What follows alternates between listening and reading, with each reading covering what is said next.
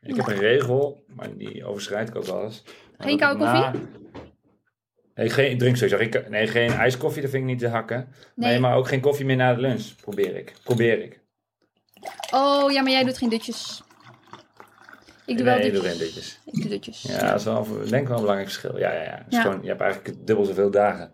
Ja, daarom 14 dagen in de week. Like, Dus- Zo is het. Oh, dit oordopje is wel echt heel erg oncomfortabel.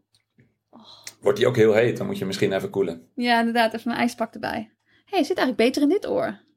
hey, Suus, Ja. is het niet handig als we dat gedeelte wat altijd voor de openingstune komt, als we daar een stukje monteren waarin we vragen dat mensen een review achterlaten? Nou ja, dat kan misschien wel. Ja, dat is misschien best wel handig. Dan, dan zeggen we zoiets van: eh hey, eh, lieve luisteraars, leuk dat je luistert. Eh, laat even een review achter, vinden we tof. Veel plezier met de uitzending. Ja, ik regel het.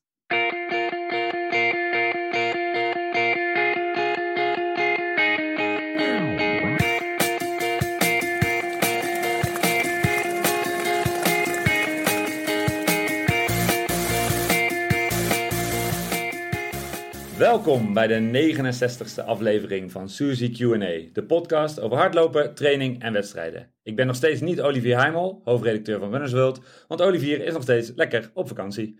Ik ben Imo Muller, de uitgever van onder andere Runners World, en ik ben de hele week in München, waar de EK Atletiek plaatsvinden.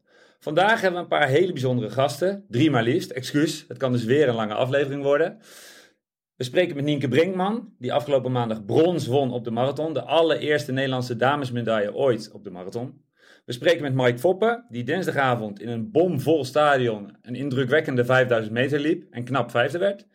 En we spreken straks met de Europees kampioen op de marathon, de Duitser Richard Ringer. Dit alles doe ik uiteraard weer samen met Susan Crummens. Hey, zijn we weer. Goedemiddag. Hallo, hallo. Hey, voordat we beginnen, ik heb een rectificatie binnengekregen. Die wil ik Oh. eerst even behandelen. Oh jee. Eh, dat ging over eh, jouw eten. Oh, het is Spetsy. Spetsly zeg ik het gewoon weer verkeerd, hè? Nou, zeg Ja, je maar. zei het fout en het waren andere ingrediënten. Ja, ik weet eigenlijk helemaal niks. En ik dacht ook eigenlijk toen ik het zei, dacht ik van ja, ik zeg nu iets en ik, ik denk dat ik er wel mee wegkom. Maar volgens mij klopt het niet. Nee, je komt er dus niet mee weg.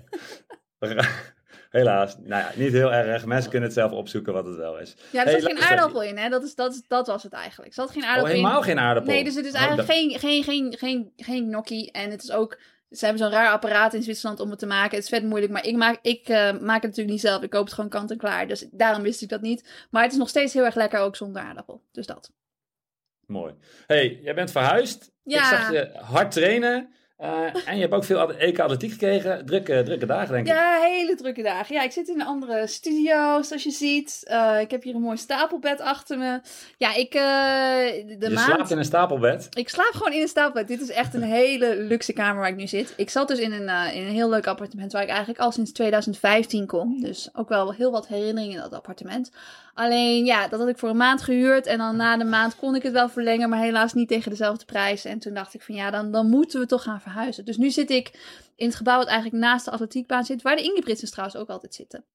Alleen... En eh, verhuizen, hoe, hoe, hoe, eh, wat stel ik me daarbij voor? Is dat, eh, is dat zeg maar het blok ernaast of moest je echt wel... Nou, het was ongeveer 600, 500 meter misschien. Alleen, ja, ik kwam er dus onderweg toch wel, nou niet onderweg, tijdens het inpakken wel achter dat ik toch nog iets te veel spullen heb. Dus helaas waren het, het waren twee trips. En aangezien ik nogal, ja, toch een beetje lui ben aangelegd, heb ik daar toch de bus voor gepakt. Nee, nee, voor, nee, nee, nee. Voor 600 meter heb jij niet de bus gepakt. Ik heb de bus gepakt. Ja, heen en terug. Dus eh, ook zonder spullen dus eigenlijk. Ja, maar goed, ik moest de benen sparen, want ik had vandaag threshold. Maar goed, ehm, het is me dus wel gelukt om alles te verhuizen. Maar ik dacht ook wel toen ik bezig was met spullen inpakken. Kijk, ik heb natuurlijk die badjas. Maar ik heb bijvoorbeeld ook dingen mee als ehm, mijn eigen kussen en zo. Weet je wel, dat zijn grote dingen. Maar ja, op zich is het niet heel zwaar. Maar het is niet heel handig tillen allemaal. Dus eh, even wat, eh, jij zei al het woordje threshold, dat hebben we- kunnen we dan weer afvinken. Eh, Ja. Maar je had het eh, vorige keer na de uitzending over dat je wat geluidjes wilde toevoegen. Dus als er een vraag, vraag van, een, van een luisteraar komt, dan kwam er een pingetje. En kunnen we dat dan ook bij threshold doen? Dat jij er dan een pingetje in bingo, bingo. Ja, dat vind ik wel dat we dat moeten doen. Maar het is wel weer goed teken. Alweer threshold gezegd. Ja, lekker. Maar, Maar gaat eh, lekker dus? Ja, nee. Ik was, dus- eh, ik was eh, onder de indruk van je reel. Dat zag, er- zag er serieus hard uit. Maar Ja, dat was helaas geen threshold. Dat werd me ook wel gevraagd. Van, is dit een threshold? Dacht ik, ja, nou misschien later als ik groot ben dat het ooit mijn threshold kan zijn. Maar dat waren K-reps. Eh, dat is ook wel, ja, dan, dan loop ik natuurlijk iets harder dan threshold tempo. Maar vanochtend heb ik twee rondjes om het meer threshold mogen doen. En Mo, die was er weer bij. En die ging gewoon lekker de hele threshold meedoen. Dus hij is echt een held. Want dat maakt het wel een stuk makkelijker als je gewoon iemand hebt om mee te trainen. Dus dat was helemaal top. Ehm, je ziet nu heel vaak eh, filmpjes op, eh, op Insta als eh lopen staan lopen en guess the pace. oh god. Hoe hoe hard Oh. ging die kilometer? Oh god, ja, ik denk altijd, guess alsjeblieft niet de pace. Progression is also a pace. You know, forward is a pace, zeg ik altijd. Dus ja, nee, laten we de pace alsjeblieft niet guessen. Het was een goede pace. Nee, het was 3,35 vanochtend, dus ik was daar blij mee. Eh, ik loop niet op carbon. Eh, ik heb wel eens hier harder gelopen op carbon. Eh, maar zo lekker op de Pegasus 34 vind ik 3,35, twee rondjes om het meer. Ben ik daar op het moment gewoon erg gelukkig mee. En hartslag was onder controle, ademhaling was onder controle. Nee, het was top. Ja, dus ik, Mooi. ik heb wel weer genoten. Ja, Hey, dat was vorige keer natuurlijk mijn allereerste keer als, als guest host. ja. Ehm, dus voor mij natuurlijk allemaal nog nieuw. Ehm, ik vond het verrassend hoeveel reacties erop kwamen. Best wel, echt best wel veel. Alleen ze waren wel eigenlijk waren het met allemaal twee soorten negatief reacties. eigenlijk. Ja, ik, eh, ik, ik zie het maar als positief. Maar het merendeel van de reactie wel was... eh, holy shit, wat is die podcast lang. Wat lekker. ja. En holy shit, wat is die podcast lang. Doe eens even normaal. ja, maar we wisten dat zelf. Ja, dat is een beetje zoals, ja, ik weet niet. Als je een, een, een, een lange training doet met verschillende blokken of zo, dat je dan alleen maar een beetje met het blok bezig bent wat je aan het lopen bent. En als aan het einde dat je dan terugkijkt en je denkt van, oh wauw, dat was best wel een lange training. Zo was het ook een beetje met de podcast, toch? ja, nou ja. Ja, jij ik heb kijkt nu echt eh, van, waar heb jij het over? Als marathonloper doe je dit toch? Verschillende trainingsblokken, nee? Nee, Nee, ja, ik had... eh, volgens mij stond er in de omschrijving van eh, lekker tijdens je lange duurloop. daarom. Ehm, maar het moest wel echt een forse lange duurloop zijn. Daar moet ik dan wel... Daar moet ik wel eerlijk in zijn. Want volgens die- mij was het langer dan twee uur. Wat is jouw langste duurloop? Oh, die is... Ja, nee, die gaat wel eh, dik door de twee uur. Maar niet, Ja. niet, eh, niet nu al, zeg maar. Eh, ah, oké. Ik heb nog negen weken, hè, dus dat... Ja, ik had, ik had deze week wel weer een lange duurloop. Mijn langste duurloop ooit. 1 uur 45. Dus voor mij is dat best wel lang. Ehm, maar het is een mooi rondje. Maar dat eindigt dus met een flinke klim. Ik had hem ook eventjes op de gram gezet, die klim. Ehm, die is, eh, ja, hoe, lang zou het zijn? Ik denk, het is niet twee kilometer. Maar ik denk wel anderhalf, misschien ja, 1500 meter. Soms, zoiets is het wel. En een flinke klim omhoog. Maar Denk het- je dat, eh dat Nienke het ook een, als klim zou omschrijven? nou, dit dus. Precies. dit, is, dit is een serieuze klim. Dit, Nienke vindt dit ook een klim. Maar het grappige is dat er zoveel reacties kwamen van mensen. Oh, is dit het rondje van Nienke? Heb je eindelijk het rondje van Nienke gedaan? Allemaal heel enthousiast dat deze klim het rondje van Nienke was. Nou, het rondje van Nienke, waar we het de vorige podcast over hadden. Dat is dus gewoon 100% vlak. Er zit er geen klim, zit gewoon geen klim in. Maar de ondergrond heeft heel veel rotsen. En dat stabiliseren en zo, daar ben ik dus echt heel slecht in. En Nienke is daar natuurlijk super goed in. Maar echt zo klimmen, dat vind ik echt wel leuk als het gewoon goede ondergrond is. Dus dit was helaas niet het rondje van Nienke. Dit is wel, eh, ja, echt wel een, een... Heb jij die wel eens gedaan, deze klim? Zit ik me even, te bedenken. Als je naar St. Moritz komt, dan moet je die klim wel een keer gedaan hebben. Ja, heb ik gedaan, heb ik gedaan. Ja, En eh, ik ben nu zelf in. München. Ik ben nu zelf in München en ik loop hier eh, eigenlijk elke dag wel hard. Eh, en, eh, en hier kun je dus echt fantastisch lopen. Ja, Deze stad, Indische joh, dat kaarten, is niet hè? normaal. die, eh, dat is toch, is dat niet het grootste urban park of zo in de wereld? Het is groter dan Central Park. Ja, dat is niet normaal. Maar het gaat maar door. Ook langs die rivier. En het is allemaal onverharde paden, vlak. Ja, Heel veel opties. Ja, Ja. Ik, was echt, ik, ik dacht, het is bijna de Alpen. Het wordt werk hier. Maar het is echt, eh, het is echt Ja, fantastisch. het is wel vlak natuurlijk. Maar ik zag dat eh Elish bijvoorbeeld, Elish McColgan, die eh, was lekker de dag voor de wedstrijd even gaan loslopen in English Garden en die was verdwaald. Dus dat kan dan ook gebeuren. Ja, heb ik ook gehad. Oh, echt waar? Je kijkt er ook zo sip bij. En had je toen nog een leuk bakketje gevonden of zo, of niet? Nee, ik, heb, eh, ik was met eh, Jeroen Bakker. eh Over een ander ja. Atletenmanager bij Global. was jij dat zonder koffie? eh, en met, eh, met Pim Bel, met z'n drieën waren we. Ja, Ehm, best wel zware tempo's gedaan. Die, die Pim die traint hard, jongen. Ik moest, eh, moest hard werken. Maar goed, Hm. uiteindelijk... eh, ja, ik maak altijd mensen belachelijk die fout lopen. ja. Dus ik zei vol overtuiging, links, rechts, kom maar mee jongens. En Pim had de auto bij dan, dat is veel veiliger. Nee, maar je wil ook een beetje stad Nee, toch leren kennen. Ja. Ja. Maar goed, uiteindelijk moest ik, eh, ja, voor mij echt wel over een drempel. Want eh, ik was alleen nog met Pim. Eh, Jeroen was al afgeslagen. En toen zei ik tegen Pim, ja, dit gaat volgens mij, dit, ik heb, weet het gewoon niet meer zeker. En toen heb ik een vrouw aangesproken op straat met het verzoek om even op haar Google Maps te kijken. En dat was maar goed ook, want Ja, helemaal, helemaal het, het een lange dag geworden. nog 20 Maar we kilometer van huis. Oh god. Ja, Maar dat is wel zo, als je dus, ehm, als je moe wordt of als je het zwaar krijgt in een wedstrijd of in een training, dan is het gewoon heel moeilijk om je te oriënteren. Dat heb ik echt. Ik vind dat zelf ook altijd. Met zware trainingen, dan moet ik echt op een bekend pad lopen. Anders dan eh, raak ik ook de weg kwijt. Nou goed. Ja, ja dat blijkt. Ja, ik, ik heb altijd geroepen van niet. Eh, maar nu dus. eh Nou, er zijn, er zijn wel. eens atleten die de weg kwijtraken bij een wedstrijd waar gewoon het parcours helemaal gemarkeerd is, omdat ze zo kapot gaan. Dus ja, het kan wel. Ja, precies. Ja. Maar goed, eh, hartstikke mooi lopen hier. Dus dat, eh, dat is eh, echt, echt heel Ja, leuk. lekker. En veel wedstrijden kijken. Zit je iedere avond in het stadion? Ja, ja ik, ik, ik zal niet klagen, want het is echt, echt fantastisch om hier te zijn. En, Mhm. maar het is best wel drukke, best wel drukke dagen. Veel, veel werken, maar ook veel... ik heb echt veel atletiek in het stadion ook gezien. En veel feesten natuurlijk, s'avonds ook. Dus dan herstel je ook niet echt. En, ja, nee, ja. Nee? Ik heb wel af en toe eh, iets later in bed dan eh, goed voor me was. Maar het is wel... eh, ja, hoort er ook bij, hè. Ja, Maar doen echt leuk. thuis. Ja, ik had pas... ik, had pas ik ben zondag hier gekomen. Mhm. Ik zou eigenlijk pas eind van de week zijn. En last minute besloten om, om toch te gaan. En, Eind van de dus week. Dus je was eigenlijk van plan om de marathon te gaan missen. Ja, en nou precies. Dat was de reden dat ik dus toch eerder ging. Want Ja. ja, die mag ik niet missen. Nee, leek en me ook eh, heb ik niet. dus ook niet gemist. Ja, nou top. Ja. En heb jij, jij hebt veel gezien en, en, en raak je juist eh, extreem gemotiveerd eh, door veel te kijken? Of hoe werkt dat? Eh, nee, ik vind het wel heel leuk. Ik vind het ook heel leuk omdat Nederland het natuurlijk heel goed doet. En omdat er natuurlijk ook wel heel veel Europese atleten zijn die ik goed ken. En dan, ja, dan heb je toch iemand om, om voor te cheeren, zullen we maar zeggen. En ik vind eigenlijk alles vond ik wel leuk om te kijken. En de 10 kilometer, ja, dat vond ik toch het enige onderdeel waar ik... De, mm, ik had het een beetje moeilijk mee, maar het was ook niet dat ik aan het janken was. Maar ik had wel zoiets van, oh, wat had ik graag in die race mee willen lopen. Ehm, Was die race ideaal voor jou geweest? Het ging, ging eigenlijk al Eh, vanaf het begin hard en steady. Ik zou zeggen, op het moment niet ideaal. Eh, Zeg maar, als ik nu zou moeten zeggen, in de vorm waar ik nu in verkeer, dan had ik daar geen medaille kunnen winnen. Maar goed, als het eh, anders gelopen had, had ik waarschijnlijk iets meer haast gehad met in, vorm komen. Maar het was natuurlijk wel gewoon een, snelle race. Er waren geen cheap medals. En dat, dat was wel heel fijn om te zien. Want als er iemand derde wordt waarvan ik denk van ja, die koekenbakken, die kan ik makkelijk verslaan. Weet je wel, die kan ik in mijn slaap nog verslaan. Dan, dan is het natuurlijk wel frustrerend.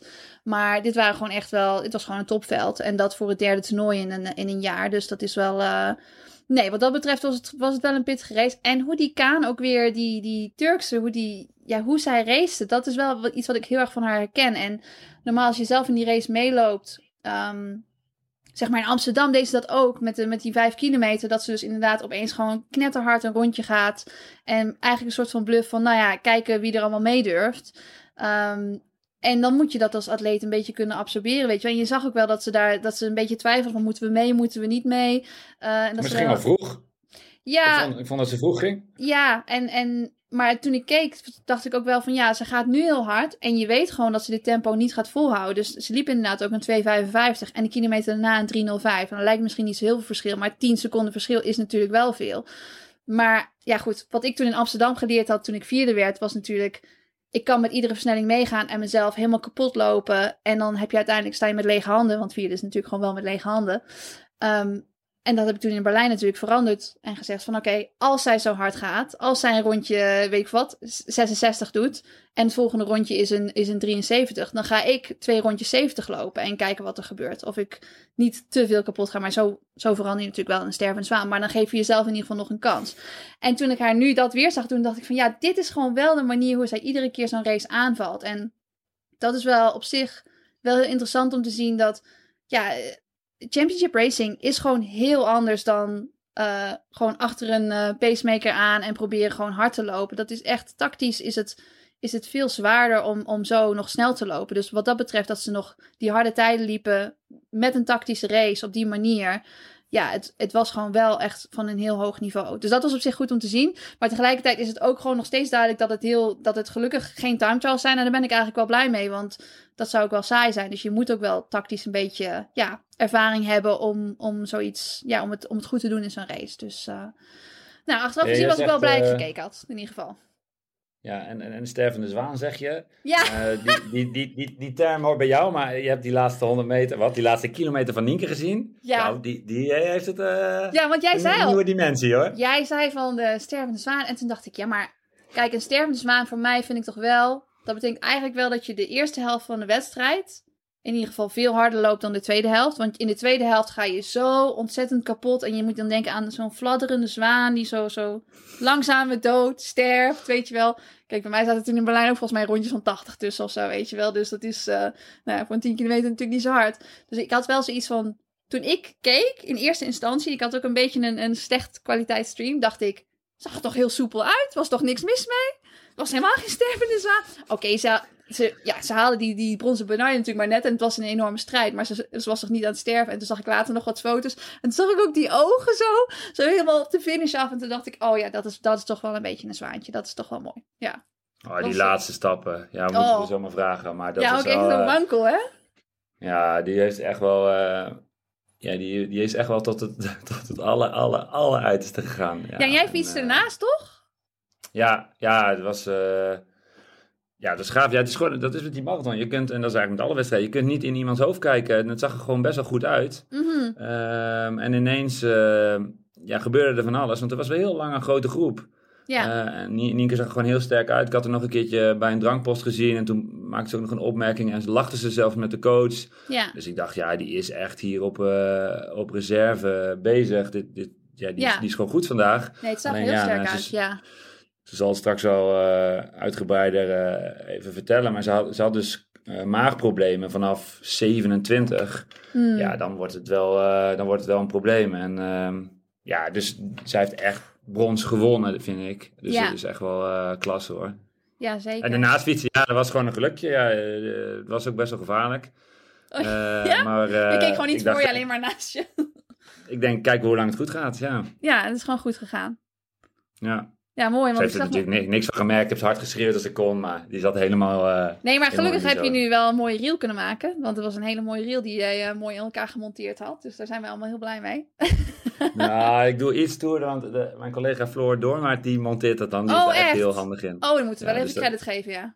Oké. Ja, ik heb geen idee hoe, dat, hoe ik dat doe. Olivier is daar wel heel goed in geworden. Ik heb echt elke dag van zijn eh, vakantie een reel eh, voorbij zien komen. Ja, ik wil eigenlijk ook dat hij dat doet als hij weer terug is in Den Bosch. Dan wil ik ook gewoon iedere dag een reel. Dat maakt niet uit wat hij erop zet, maar gewoon doe even iedere dag een reel. Lijkt me gewoon leuk. Kijken wat Ja, je dan doet. Olivier bij deze, jongen. dat is een challenge. Ja. Ja. Ik heb, eh, er zijn een heleboel, echt een heleboel Oh. vragen binnengekomen. Dus alvast eventjes excuses dat we ze echt niet allemaal eh, gaan stellen. Ehm, de meeste vragen uiteraard voor de gasten.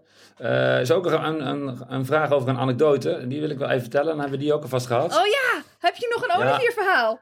Is er nog Ja, iets gebeurd? nou, een beetje, een beetje. Wat is er Niet, gebeurd? eh, Olivier. Maar ik bes- besloot dus heel laat naar eh München te gaan. Dus ik had Jeroen Bakker, daar heb je hem weer, gestuurd van... Ik, rijd to- ik, ja, ik wil toch wel met je meerijden. Want hij ging dan op zondag. Eh, maar ik heb wel een paar eh, haken en ogen. Eh, we moeten via Zuid-Limburg, want daar wonen mijn schoonouders.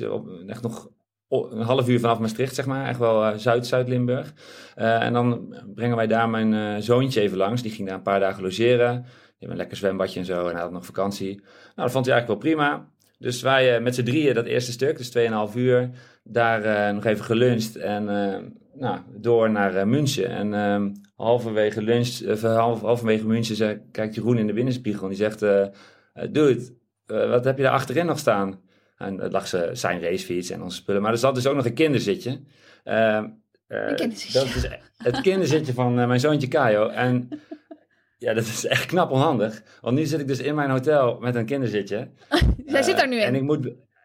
Nee, nee, ja, niet- ja, nee, dat past niet. Maar ik moet morgen naar een nieuw hotel. Dan moet ik dus met dat kinderzitje door het München Centrum naar mijn nieuw hotel. Dan ga ik zondagavond met een nachttrein terug. Oh, naar Utrecht. Ga ik dus weer met dat rekte kinderzitje. Kon je niet gewoon in de auto laten staan?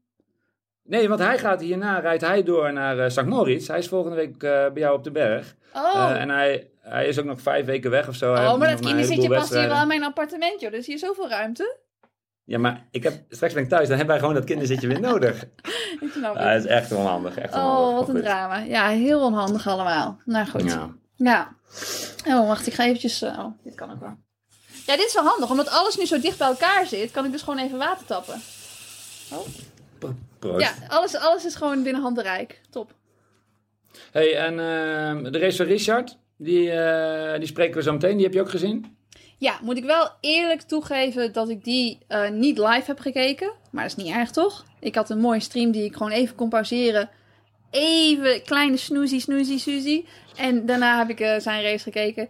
Ehm, ja, want ik had die ochtend natuurlijk lange duurloop. En toen Nienke allemaal heel enthousiast. En toen was het toch wel even crashen. Dus. Maar ja, eh, dus ik heb het, het laatste gedeelte van die race gekeken. En eh, ja, die sprint natuurlijk. Dat was wel echt top, hè. Dat, eh, en eigen land. En het, het betekent gewoon zoveel voor atleten om überhaupt al aan de start te staan bij een toernooi in je eigen land. En dan ook nog te presteren en dan boven verwachting gewoon goud te pakken. Dat is wel.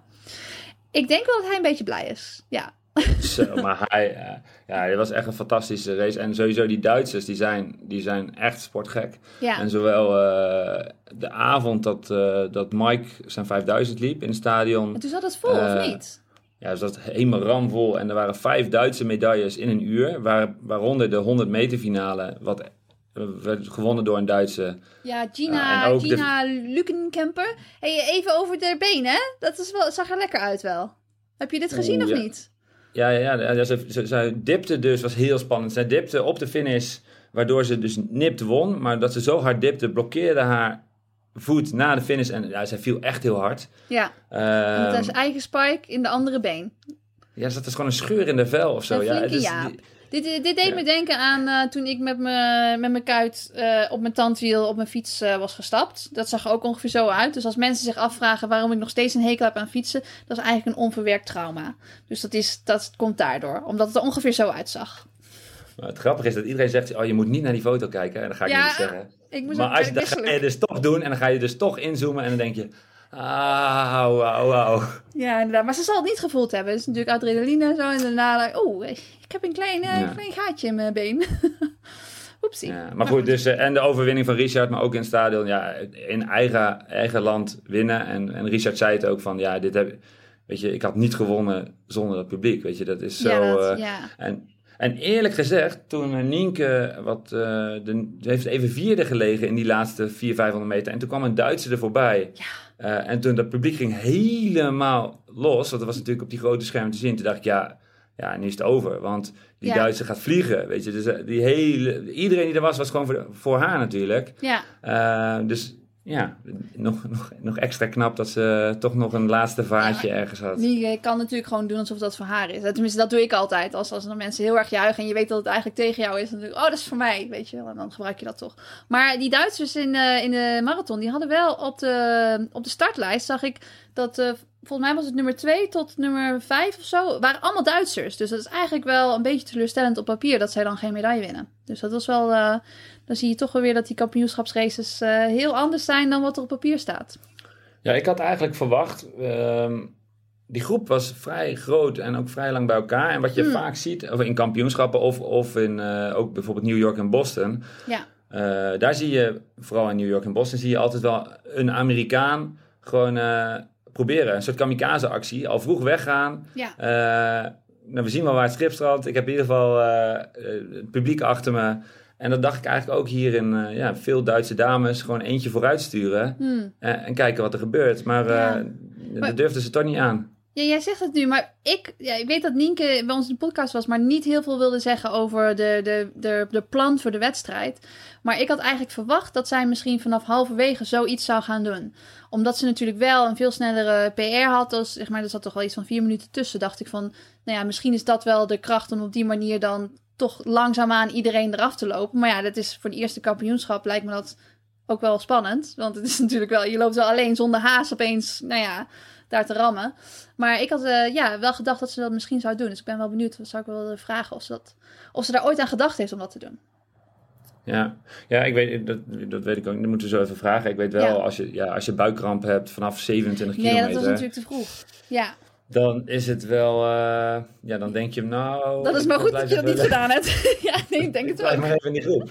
Ja, Nee, inderdaad, nog even schuilen. Dus eh, ja. Ja, hey, en gisteravond Femke Bol, heb je ook gezien, denk ik? Ja, ben ik toch nog even voor wakker gebleven. Ja, wow, prachtig man. Heel mooi. 49, 44 op 400 meter. Ja, ik vond het vorige record ook hard, maar dit is echt... Ja, dit is heel hard. Het zag ook zo mooi uit. Het was echt, uh, ja, echt indrukwekkend. Ja, dat is inderdaad super hard. En vanmorgen, vanmorgen deed ze alweer de 400 horden, dus er zat 14 uur tussen. Dus uh, oh, die heeft een pittig programma. Ja, inderdaad. Nou ja, hopen dat ze een beetje geslapen heeft. Het is, uh, ja, hoeveel wedstrijden? Ze heeft gewoon iedere dag één wedstrijd, toch? Dat is het eigenlijk. Ja, dus ze is vanmorgen geplaatst voor de finale. En dan loopt ze morgenavond de finale 400 horden. En dan als het goed is, uh, loopt ze ook nog de finale van de 4x400 meter dames. Ja. En dan is het alweer klaar, dus ja. Ach, hè, lekker, lekker, lekker programma. Ja, wat is het nou? Hè? Ja, ik bedoel, Nienke heeft nog steeds veel verder gelopen, dus hè? wat, is nou, wat is nou zwaarder? Ja, ja, dat is denk ik wel een goede vraag. Wat is zwaarder? Ik denk dat het allebei heel erg zwaar is. Maar goed. Ja, dat was mooi natuurlijk. Ja, en uh, bij de mannen Lee, ja, ik vond het wel echt, echt, echt zuur. Die finish was zo close. En uh, ik dacht eerst, hij, hij pakt hem. Toen, toen ik het op full speed zag, maar toen ze de slow motion liet zien, dacht ik, ja, nee, ik denk dat hij inderdaad er net voor zat. Dus dat was jammer. Ja. Maar ja, ik was op de BBC aan het kijken en die Britten waren natuurlijk helemaal gelukkig ermee. Um, dus ja, dat op zich wel. Dat, ik vind dat het, uh, dat het commentaar en, en gewoon hele coverage op de BBC is wel. Uh, ik vind dat ze, ja, van hun atleten maken ze wel echt gewoon helden, weet je wel. Dus ja, ook al ken ik heel veel van die Britse atleten en dan vooral de sprinters ken ik helemaal niet zo goed. Denk ik wel van, nou, nu ben ik eigenlijk ook fan van hem. Want ze gewoon op zo'n positieve manier ook de vragen stellen in de interviews en zo. Ja, het is gewoon echt, ja, op een hele mooie, inspirerende manier zetten ze de sport zo neer. Dus dat vond ik wel, uh, dat is wel een leuke manier om het op die manier te volgen in ieder geval. Ja. ja, ik heb dit jaar dus weinig op, uh, op de Studio Sport gezien. Omdat ja, ik de geluk, geluk had dat ik het gewoon live kon zien. Hmm. Uh, ik lees wel, uh, en dat denk ik ook, want ik ben groot fan van Greg Riesedok. Mm -hmm. die doet het echt heel erg goed. Dus ehm, ook voor mensen die wat minder verstand hebben van atletiek, ja, die, van, van dat soort mensen word je gewoon heel... Je leert wat en je wordt gewoon heel enthousiast. En ja. dat doet de BBC natuurlijk al jaren. En inmiddels zit Gregory ook al een tijd bij, de, bij Studio Sport. Maar ik denk wel dat dat uh, zou ook wel wat voor jou zijn, Suus? Ja, ik zou het wel leuk vinden. Ja, en vooral met, uh, met, de, met de marathon of zo, weet je wel. Dan, dan heb ik wel... Ik zit, ik zit gewoon voor mezelf commentaar te geven. En zeg maar bij de stream die ik aan het kijken was, was Hannah England was commentaar aan het geven. En ik heb, dat is een 1500, oud 1500 meter atleet, Britse, waar ik ook mee in Amerika gewoond heb. En uh, die vroeg mij de avond van tevoren ook nog van allemaal inside information over, uh, nou, vooral Nienke en dan uh, ook de andere Nederlanders en zo. Dus ik heb wel allemaal tips gegeven. En ik heb Sonja voor die eerste Nationale TV ook allemaal tips gegeven. Dus ik was via via stiekem wel een beetje commentaar aan het geven. Alleen ja, live doen, dat zou ik echt wel tof vinden. Maar um, ja, weet je wat ik het leukste vind eigenlijk? Als er, als er een duo is. Dat is wel een beetje, dat maakt het altijd goed. Als er een, een, een man en een vrouw commentaar heeft, dat, je, dat ze nog een beetje een gesprek kunnen hebben. Dus ik denk vaak als er maar één commentator is, ja, dan ben je toch zelf maar ja, een monoloog aan het houden, weet je wel. Dus ik denk wel dat als er twee zijn, dat het goed is. Dus uh, nou, als een positie open is bij deze. Ja, nou. Nee, maar dat is wel, ik vind het echt wel belangrijk. Dat maakt wel, uh, hmm. wel de sport, weet je. En uh, kennis en enthousiasme. Ja. ja. ja. Nou, wie weet. Eerst nog zelf wat wat recht te zetten. En, uh, ja, zeker. En, ja, mijn eerste pot... dan nooit, denk ik. Ja, zeker. Mijn eerste pot pindakaas is op. Dus uh, je ziet het al. Ik begin er wel sterk uit te zien. Um, tweede kilo zijn we nu aan begonnen. Dus uh, ja, eigenlijk moet ik dan nog een maand blijven. Hè? Maar um, ja, dat ligt niet helemaal binnen het budget. Kijk, St. Moritz is ook niet gratis. Dus, maar het gaat wel goed hier. Mooi. Suzanne, je, je gelooft het waarschijnlijk niet, maar Nienke is gewoon weer aan het werk. Uh, we, konden, we konden bellen, maar niet, uh, niet heel lang. Maar wel echt superleuk dat we even kunnen bellen. Um, ik denk dat ze bezig is met een meting op Mars. Wat, wat denk jij? Ja, ik denk het ook. Ik denk, dat, denk dat ze eigenlijk geen tijd heeft voor ons, maar misschien, misschien kan ik... Oh, ze zit in de lobby! Ze zit in de lobby! Ja, go gooi er erin, gooi er erin. Ik gooi er erin. Nienke, welkom. Live weer vanaf je werk. Wat ben je nu aan het doen? Oh, ja, ik, ik ben wel gewoon thuis aan het werken. Maar ik moet even weer uh, ja, inschakelen. Even, uh, ik, had, ik heb een paar meetings gewoon vandaag met, uh, met, met mijn supervisors en zo. Ja, want wat een contrast zeg. Maandag, maandag de marathon. De eerste medaille ooit door een dame op de Europese kampioenschappen. En, en vandaag gewoon weer aan het werk. Hoe, hoe, hoe bizar is dit? ja, wel bizar. Um, ik vind altijd wel als ik thuis kom, is het ook wel lekker als je weer een beetje in je normale routine komt. Mhm. Ehm, en, ik- en het was ook wel, de meetings zijn nou niet dat ik, eh, iedereen is wel, eh, heeft het wel gevolgd. Dus ehm, we hadden het ook nog wel gewoon over het EK. Dus dat was, is ook wel leuk om weer zo weer een beetje in te rollen. Ja, mooie overgang. Heb je je plantje al een mooie plek gegeven, vroeg ik me af. Ehm, nee, want mijn plantje die... Heeft het niet overleefd? Ja, omdat ik moest zoveel spullen meenemen. En ehm, ja, die plant... Ik denk dat die gewoon een nieuw huisje heeft gevonden. Even, even voor de luisteraars. Ehm Nienke die moest dus het podium op. eh, kreeg haar niet alleen een bronzen medaille, maar ook ja, eigenlijk een best wel lullig klein kamerplantje volgens mij. Of, wat, dat zou wel de symboliek van de, van de toekomst zijn eh, door het planten van een, van een plant of zo. Ja, Maar Die moet je nog water geven. Ja. Ja, maar volgens mij was het zo dat het- deze plant moest ik eigenlijk planten op het, eh, in het Olympiapark. Oh, Oh. oké. dan zat Oh, was helemaal niet de bedoeling dat hij naar huis ging. Nee, oké. Maar volgens mij niet. Dus ik denk dat het prima is dat hij daar gebleven is. Heel goed. Moet, moet ik nog iets doen dan? Waar, waar staat hij? Dan ga ik hem voor je ja, planten. waar is de schep? Nou, ik heb hem dus gewoon in het hotel laten staan. Maar in je kamer of, of bij de receptie? Nee, Dan ben ik- beneden. Misschien staat hij nog bij de receptie. Ik heb hem gewoon bij die stoelen laten staan. Ik ga kijken straks. ga iemand kijken. vindt dit en die gaat ervoor zorgen. Nou, ja, mijn sorry, ik, ne- ik neem allemaal hele belangrijke tijd in met een hele onbelangrijke vraag. Maar ik vroeg het me gewoon af. Ja, Hey, hey Nienke, we hebben, eh, je hebt er natuurlijk al veel over gesproken, we hebben je interviews gezien, maar kun je ons nog één keer meenemen in die krank, naar die krankzinnig laatste kilometer? Ja, die was, eh, die was echt heel zwaar. Ik, ehm, ik had echt heel erg veel problemen onderweg op die laatste kilometer. Ik had al echt last van mijn maag. Eh, het ging, dat was echt een probleem. Maar in die laatste kilometer waren er, kwamen er echt extra dingetjes bij. Waar, ehm, waardoor ik echt eh, eigenlijk een beetje geblokkeerd werd. En ehm, eigenlijk het moment dat dat, dat, dat gebeurt, ehm, val je bijna stil. En dan zie je dus dat, dat, dat Mirjam dus wel gewoon doorloopt. En toen, ik heb echt een moment gedacht, ik moet nu uitstappen, want ik, ik kan zo niet verder. En toen dacht ik, nee, ik moet echt verder. Ehm, dus toen kwam ik weer op gang, zeg maar. Het was een beetje, ja, echt heel vreemd. Maar eh, ja, er waren dus een aantal dingen die er gewoon even fysiek niet zo goed gingen.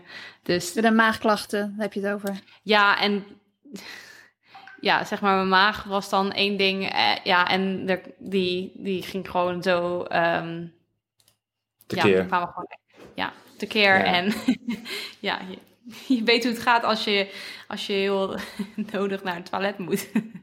Ja, ik heb wel eens een bossenbol gegeten en toen ben ik daarna gaan trainen. Dat ging, dat ging ook niet zo goed. Dus ik heb wel een idee van als je dan een marathon loopt en maagklachten hebt, dat is niet geweldig. ja, en de laatste kilometer werd het een beetje, ja, werd het heel erg. en Ja. ja. ja, maar goed, gelukkig is dus uiteindelijk eh, heb ik me er doorheen een soort van gesleept. Natuurlijk moest Mhm. ik wel, eh, zag ik zilver en ook goud aan me voorbij gaan. En ja, het is wel een beetje dubbel, omdat ik eh, ja, heel graag nog wilde, maar ik werd ook geblokkeerd. En dat hoort, er natuurlijk ook bij, bij de marathon. Dus het is ook, ja, het is gewoon heel lastig om dat dan zo te zien, ja, zo te zien gaan. Maar ik ben wel echt heel blij dat ik dus uiteindelijk nog die medaille heb gepakt. Want dat vond ik eh, bij de finish wel, eh, wel ja, eigenlijk wel heel knap. Je, was echt wel tevreden met brons, denk ik. Maar, eh, maar je was ook echt heel kritisch op jezelf. Misschien ook omdat het net na de finish was. Je had echt wel een, een paar dingen waarvan je zei... Ja, dit, dit, dit had ik misschien beter moeten doen of anders moeten doen. Hoe, hoe kijk je daar nu een paar dagen later op terug? Ben je nog steeds ja, best wel kritisch? En waarop ben je dan kritisch?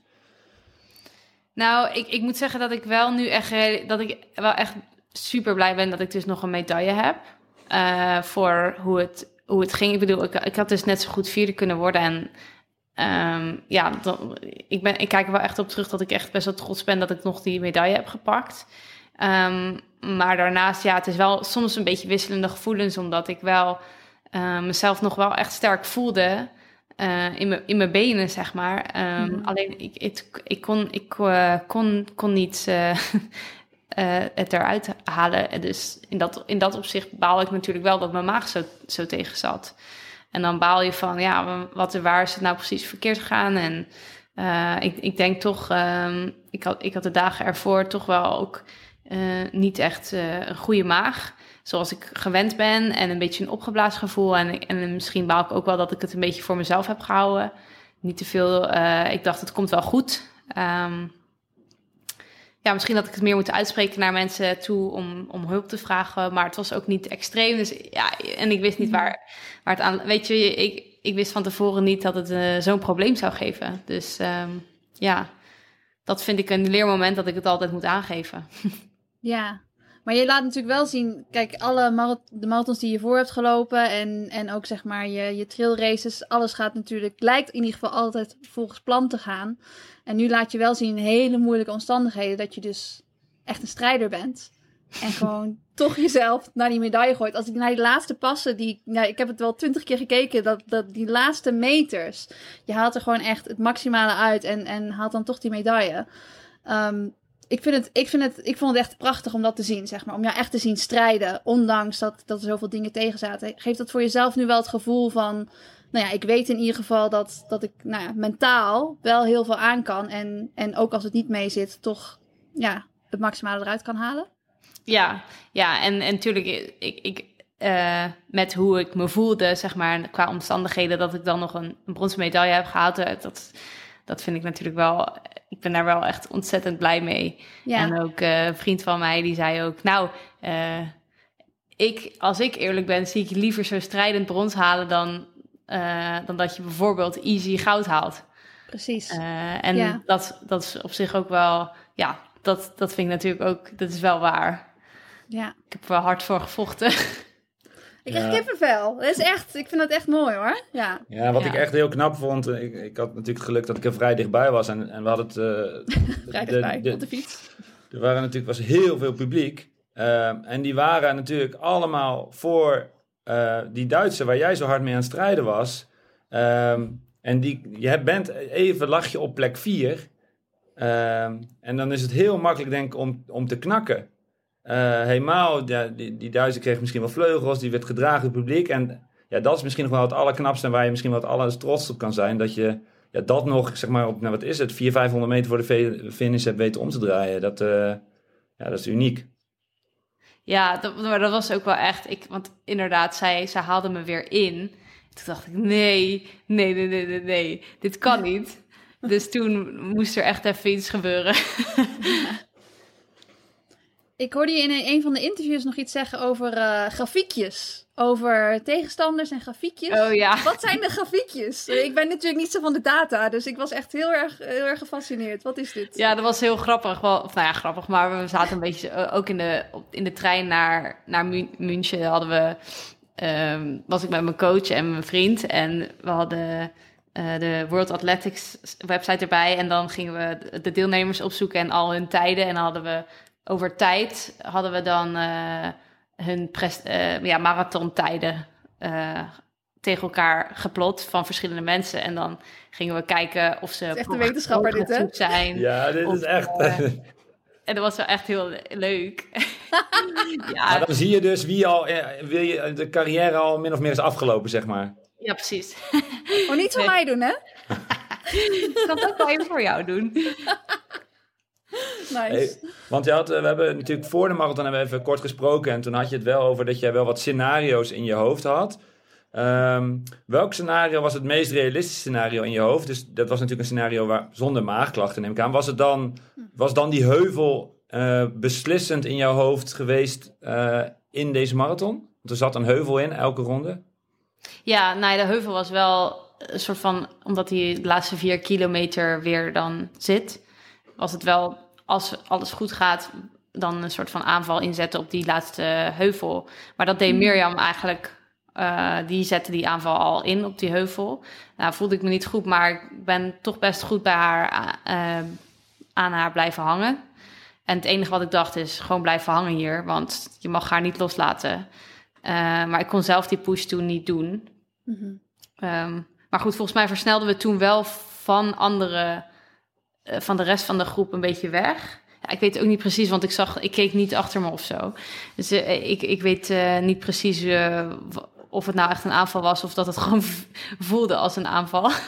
Ja, met je berg op ging. ja, en toen. eh, maar dat was dus de strategie eigenlijk. En ik. eh, ehm, ja, ik kon het niet eh, goed uitvoeren. Mhm. Ik zag dat je een glucose-monitor op je arm had. Ja. Eh, heb je daar nog interessante informatie uitgehaald? Nou, op dit Ja. moment eh, heb ik er nog niet zoveel, eh niet zoveel mee gedaan. Ik heb wel gebeld ook met de diëtist en gewoon ehm, even wat dingen doorbesproken, maar we hebben nog niet eh, de, ja, de data van de glucosesensor eh, besproken. Even parkeren nog. Dat komt nog wel, Ja. neem ik aan. Ja. ja. Te diep. ja. Hey, eh, dan nog eh, één vraag dan over eten en dan houden we erover op. Maar wat, wat is dan weer het eerste wat je kan eten? En en wat was dat dan en wanneer? Is dat, Oh, heb je er heel eh, lang last van gehad nog? Nou, ik heb er niet. Ik heb me er niet meer heel lang last van gehad, maar ik heb me wel heel lang nog een beetje ehm, ja, misselijk gevoeld. En echt geen zin in eten. Hm. Eh, dus ik had eigenlijk al- als enige eh, meteen, of nou ja, meteen, ik denk een, eh, ja, een half uur of zo, of een uur daarna had ik een, een, een shake gewoon. Met dan, ja, 50, 50 zeg maar, eh, zo'n recovery shake. Dat ging er wel in, maar ik had echt geen zin in andere dingen eigenlijk. Ja. Maar dat is natuurlijk niet zo goed na zo'n, zeg maar, na zo'n, ehm, ehm, in, eh, hoe heet dat? Intensiteit? Ja, prestatie. Inspanning, ja. Inspanning, ja, die zocht ik. Na zo'n inspanning, maar ehm, ja, dus en toen, maar toen in de avond toe kon ik wel weer, eh, toen had ik ook weer honger, dus dat was. En heb je toen nog even groot gevierd of niet? Nou, eh, ik heb nog even met eh, Imo in de bar gezeten. Oh, echt? Ja. Daar heeft hij ons nog niks over verteld. Ja, Was het dat- laat? Dat, dat, ja, ik weet niet wat je gaat vertellen, Nienke, maar ehm, het duurde wel lang voordat je wat drankjes hadden. Ja, dat, dat duurde heel lang. We- eh, alles, heel veel dingen waren dicht waar we heen waren ge- gegaan. En toen uiteindelijk waren we in een bar en hadden we besteld. En ik had een eh, cocktail besteld en daar had ik heel veel zin in. Oh, toch? Nou, dat is wel leuk dat je ergens zin Ja, in had. Dat toen had ik wel weer in. Ja, Dus eh, toen had ik even een cocktailtje en eh, dat ging er wel in. nou, mooi. Dat is wel fijn dat het nog gevierd kon worden. Ja. Ja. Ja. nee, dat was echt leuk. En ik, ik ben toen dinsdag ook nog naar het stadion geweest. Ik, ik, ja, ik moet eerlijk toegeven dat ik nog nooit bij zo'n evenement in een stadion ben geweest. Dus dat vond Mhm. ik echt super cool om te zien. En eh, ik had de 10.000 meter ook eh, gezien in de avond. En daarna Mhm. waren we dan naar de bar gegaan op maandag. En toen op dinsdag ben ik ook nog in het stadion geweest om eh, ja, dingetjes te kijken. Dus Ja, en dinsdag was natuurlijk die dag dat het ook echt... Toen zat het vol, volgens mij. Dus Ja, zo ja, zag het in ieder geval wel uit. Hoe vond je de sfeer? Dat je wel zoiets van, ik wil ook wel een keertje op de baan lopen, of niet? Nou ja, bijna wel. Dat, dat is echt cool. Ja, Ook die 100 meter finale, dat ze dan eh, inderdaad helemaal die lichtshow en doen. Dat is Ja. echt vet. nou misschien de volgende keer gewoon dubbelen, hè? De 10 kilometer en de marathon. Ja. Hey, maar de, de sfeer in de stad eh, tijdens de marathon, eh, heb je, heb je, dat, dat vond ik geweldig. Heb, heb- krijg je daar nog iets van mee? Hoe, hoe, hoe beleef je dat? En is er iets wat je bijblijft aan nou ja, de Nederlandse bocht, wat de Atletiek Unie had georganiseerd met dat oranje rook? Of zijn er dingen die je dan meekrijgt of zit jij helemaal... Nee, die, die, die krijg ik wel echt mee hoor. Eh, ik ga er niet echt op in, maar ik, ik krijg dat allemaal wel mee. Ik wist ook dat die hoek daar was. En dan ga je het meer zo als een herkenningspunt eh, in je hoofd krijgen. Eh, en wat me het meest bijblijft is denk ik als, als je elke keer langs die, ehm, eigenlijk de finish en de startlijn ging, dat je dan dat die mensen zo op die, eh, op die borden met hun handen gingen klappen. Oh ja, dat geluid. echt- pff, ja, ik kreeg daar een beetje zo'n extra boost van. Mhm. Eh, dat was wel echt heel vet. Eh, dat, dat bleef me echt bij. En ja, verder ben je, heb, maak je eigenlijk... eh, het, in ieder geval, ik maak dan altijd in het, het parcours... deel ik altijd een beetje op in... waar ben ik nu, hoe lang nog? Weet je wel, zo een beetje. een plotje, plotje in een grafiek, denk ik. Nice. ja. Nou, mooi zeg. En, eh, en eh, ongeschonden, zeg maar geen... eh, ja, je zult stijf zijn, eh, nou hoop ik eigenlijk zelfs. Maar eh, geen blessures en zo. Je bent best wel eh, goed uit die marathon gekomen. Ja, ja ik had eh, wel echt stijve benen... maar vanochtend eh, voel, eh, zijn die stijve benen ook weg. Dus eh, Mhm. ik voel me eigenlijk wel goed. Ja. Ja, top. Ja, Mooi. ik vond het echt super gaaf eh, om in die oranje kleding. Ik heb het nu ook aan natuurlijk. Ik dacht, Ja, ik heel mooi. Represent. vestje aan. Ja. Superleuk. Ja. En jullie, gaan, jullie hebben ook gesproken met eh, Richard, toch? Of ga je er nog mee spreken? Oh, daar gaan we nog mee spreken. dat moeten we even... Oh, nou, dus zeg maar dat ik het echt super vet vond. Ja, felicitaties van mij aan hem. Ja, Ah, leuk. Ja, mooi. Ja. Ja, dat was ook mooi. De, allebei de marathonraces eh zijn beslist in de, echt in de laatste meters. Ja. En dat is echt wel uniek. En dat maakt een kampioenschap zo Ja, bijzonder. daar heb ik nog wel een vraag over trouwens. Het was natuurlijk heel anders voor jou om, eh, om een tactische race te lopen. Ben je, heb je nu de volgende keer, heb je voor het volgende toernooi wel het idee van... oké, nu begrijp ik wat het verschil is tussen een tactische race en, en, en, en een gehaaste race? Heb je, voel je daar iets meer vertrouwen in jezelf, hoe je dat moet aanpakken? Mm, nou, ik weet in ieder geval het verschil heel goed, ja. Mhm. Ik denk dat eh, ik nog niet super eh, veel vertrouwen heb. Want er zijn nou echt, wel- echt wat dingen van hoe je je moet eh, positioneren in zo'n, in zo'n race. Vind ik echt, vond ik echt heel lastig. In Ook groep. bijvoorbeeld naar zo'n, zo'n, zo'n voedingsstation. Hoe, hoe doe je dat als je aan de linkerkant zit... terwijl je rechts je drankje moet eh, pakken? Hoe doe je dat? Steek je dan je hand uit? Of Nou ja, dat deed ik, maar niemand, dan is het echt... Niemand aan de kant. niet. Dus toen ben ik maar, ging ik elke keer er toch maar voor, vooraan eh, rennen, omdat ik dacht, ja, anders weet ik niet hoe ik mijn drankje krijg. Ja.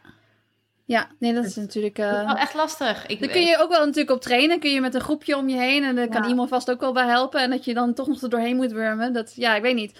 Een training voor een kampioenschap zal ongetwijfeld niet helemaal hetzelfde zijn als voor gewoon een stadsmarathon. ja, ja, want er zijn natuurlijk heel veel tempowisselingen. Dus eh, nee, dat in een groep lopen vond ik echt eigenlijk het lastigste, denk ik. Oké, dus wel heel veel geleerd. Ja, ja, Ja. zeker. Mooi. En een medaille. Ja, ook. Ja, daar ben ik heel blij Waar mee. hangt die? Waar hangt die? Ehm, nou, Ja, die, ligt, die ligt bij de plant gewoon ergens in de lobby nog. Oh nee! Nee, nee, nee, nee. Maar ik moet mijn tas nog uitpakken. ik zit nog in Ik mijn hoop dat tas. hij erin zit. Ja, nee, oké. daar ik heb wel echt eh, bewust mijn medaille ingepakt. Oké, heel goed.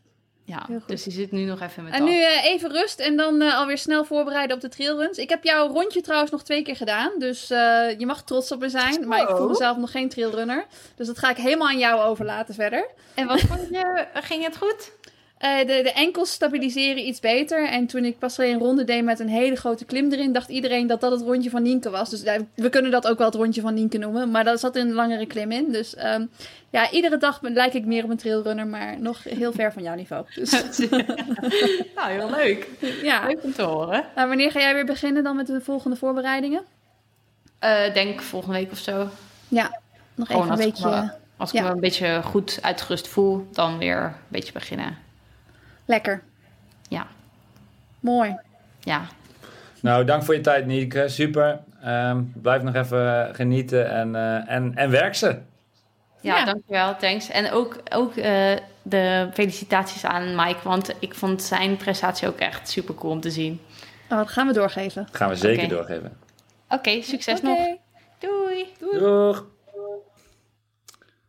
Zo, dat was eh Nienke. Mooi ook dat ze vertelt dat ze, ja, dat ze ook zo genoten heeft van die race van Mike. En dat was dus ook op die avond, zeg maar die Duitse avond. Ja, met die, eh, die- met met die het volle 5000 stadion. uur. En die gigantische eh, ja, geluidsexplosie gewoon eh, non-stop. Ik, denk, daar moeten Mike zo echt naar vragen, want dat was echt fantastisch. En, en Mike's race was ook echt heel goed. Hoe, hoe, hoe heb jij die bekeken? Ja, ik vond dat hij tactisch gewoon echt heel sterk was. Want ehm, ik, ja, ik, ik wist eerst niet zo goed wat, wat, wat hij van plan was, zeg maar. Maar toen ik in het midden van de race is, heeft hij ook heel even op kop gelopen. En toen dacht ik, wat, wat wil hij hier precies mee doen? Maar na de hand begreep ik wel wat hij deed. Want eh, hij is natuurlijk, hij heeft een goede PR, hij is sterk. Eh, maar hij is, ook, hij is ook wel snel. Eh, maar hij is niet de snelste. En hij heeft ook niet de snelste PR. Dus hij moet daar ergens een beetje tussenin zitten. Het moet niet super tactisch zijn. Ehm, dus niet, niet te langzaam met een te harde sprint. Maar het mag ook eigenlijk niet eh, ja, op wereldrecordtempo natuurlijk. Dus ik vond het wel heel sterk hoe hij dat, ja, hoe die de race op die manier toch wel heeft beïnvloed eigenlijk. Op, zeg maar, eh, het zag eruit alsof hij, ehm, alsof hij zelfverzekerder was dan in alle andere races waarin ik hem gezien heb. En eh, dat, dat vond ik wel heel goed om te zien. Ja, Ja, ja ik ben ook wel benieuwd. ehm, hij liep natuurlijk in de race met uh, Ingebritsen, die uiteindelijk won. En die was natuurlijk ook ja, super, super favoriet. Misschien wel eh, voor heel veel mensen, in ieder geval in hun hoofd, uh, onverslaanbaar op deze afstand op dit moment. Ehm, maar ik, was, ik, had niet het idee dat hij heel erg met, met Ingebrigtsen bezig was. Zeg maar. Je ziet heel veel mensen focussen op hem, maar ja, Ingebrigtsen die, die liep ook lang nog achteraan, liet een gat vallen. Mm achter Mike was het best wel rommelig, dus ja. misschien... Nee, hij liep dus natuurlijk ook. Ja, hij liep op de goede plek ook, weet je. Dus, dus met die valpartijen en zo. Je, je moet ook ja, ervoor zorgen dat je niet daar in het gedrang komt te zitten. En dus dan zit hij ook af en toe aan de buitenkant. Maar hij zat ook niet te lang en te vaak aan de buitenkant. Hij heeft ook veel energie kunnen besparen aan de binnenkant. Dus ik vond dat hij tactisch gewoon heel sterk was en de juiste beslissingen nam. En, uh, ja, en dat hij hard getraind heeft. Dat wisten we natuurlijk met, die, met de nieuwe groep in, in Frankrijk. Dus ik vind het wel fijn dat hij nu eindelijk een keer gewoon heeft kunnen laten zien wat hij in zijn benen heeft. Want dat is natuurlijk wel moeilijk om dat allemaal op de juiste dag, op het juiste moment allemaal bij elkaar te laten komen. Ja, ja, ja, dat was een mooie race. En ik, ik ben benieuwd hoe hij dat zelf... Uh, misschien heeft, is hij wel net zo kritisch als Nienke, heeft hij allemaal dingen. Maar op het oog was, die, was deze race wel nou ja, foutloos volgens mij.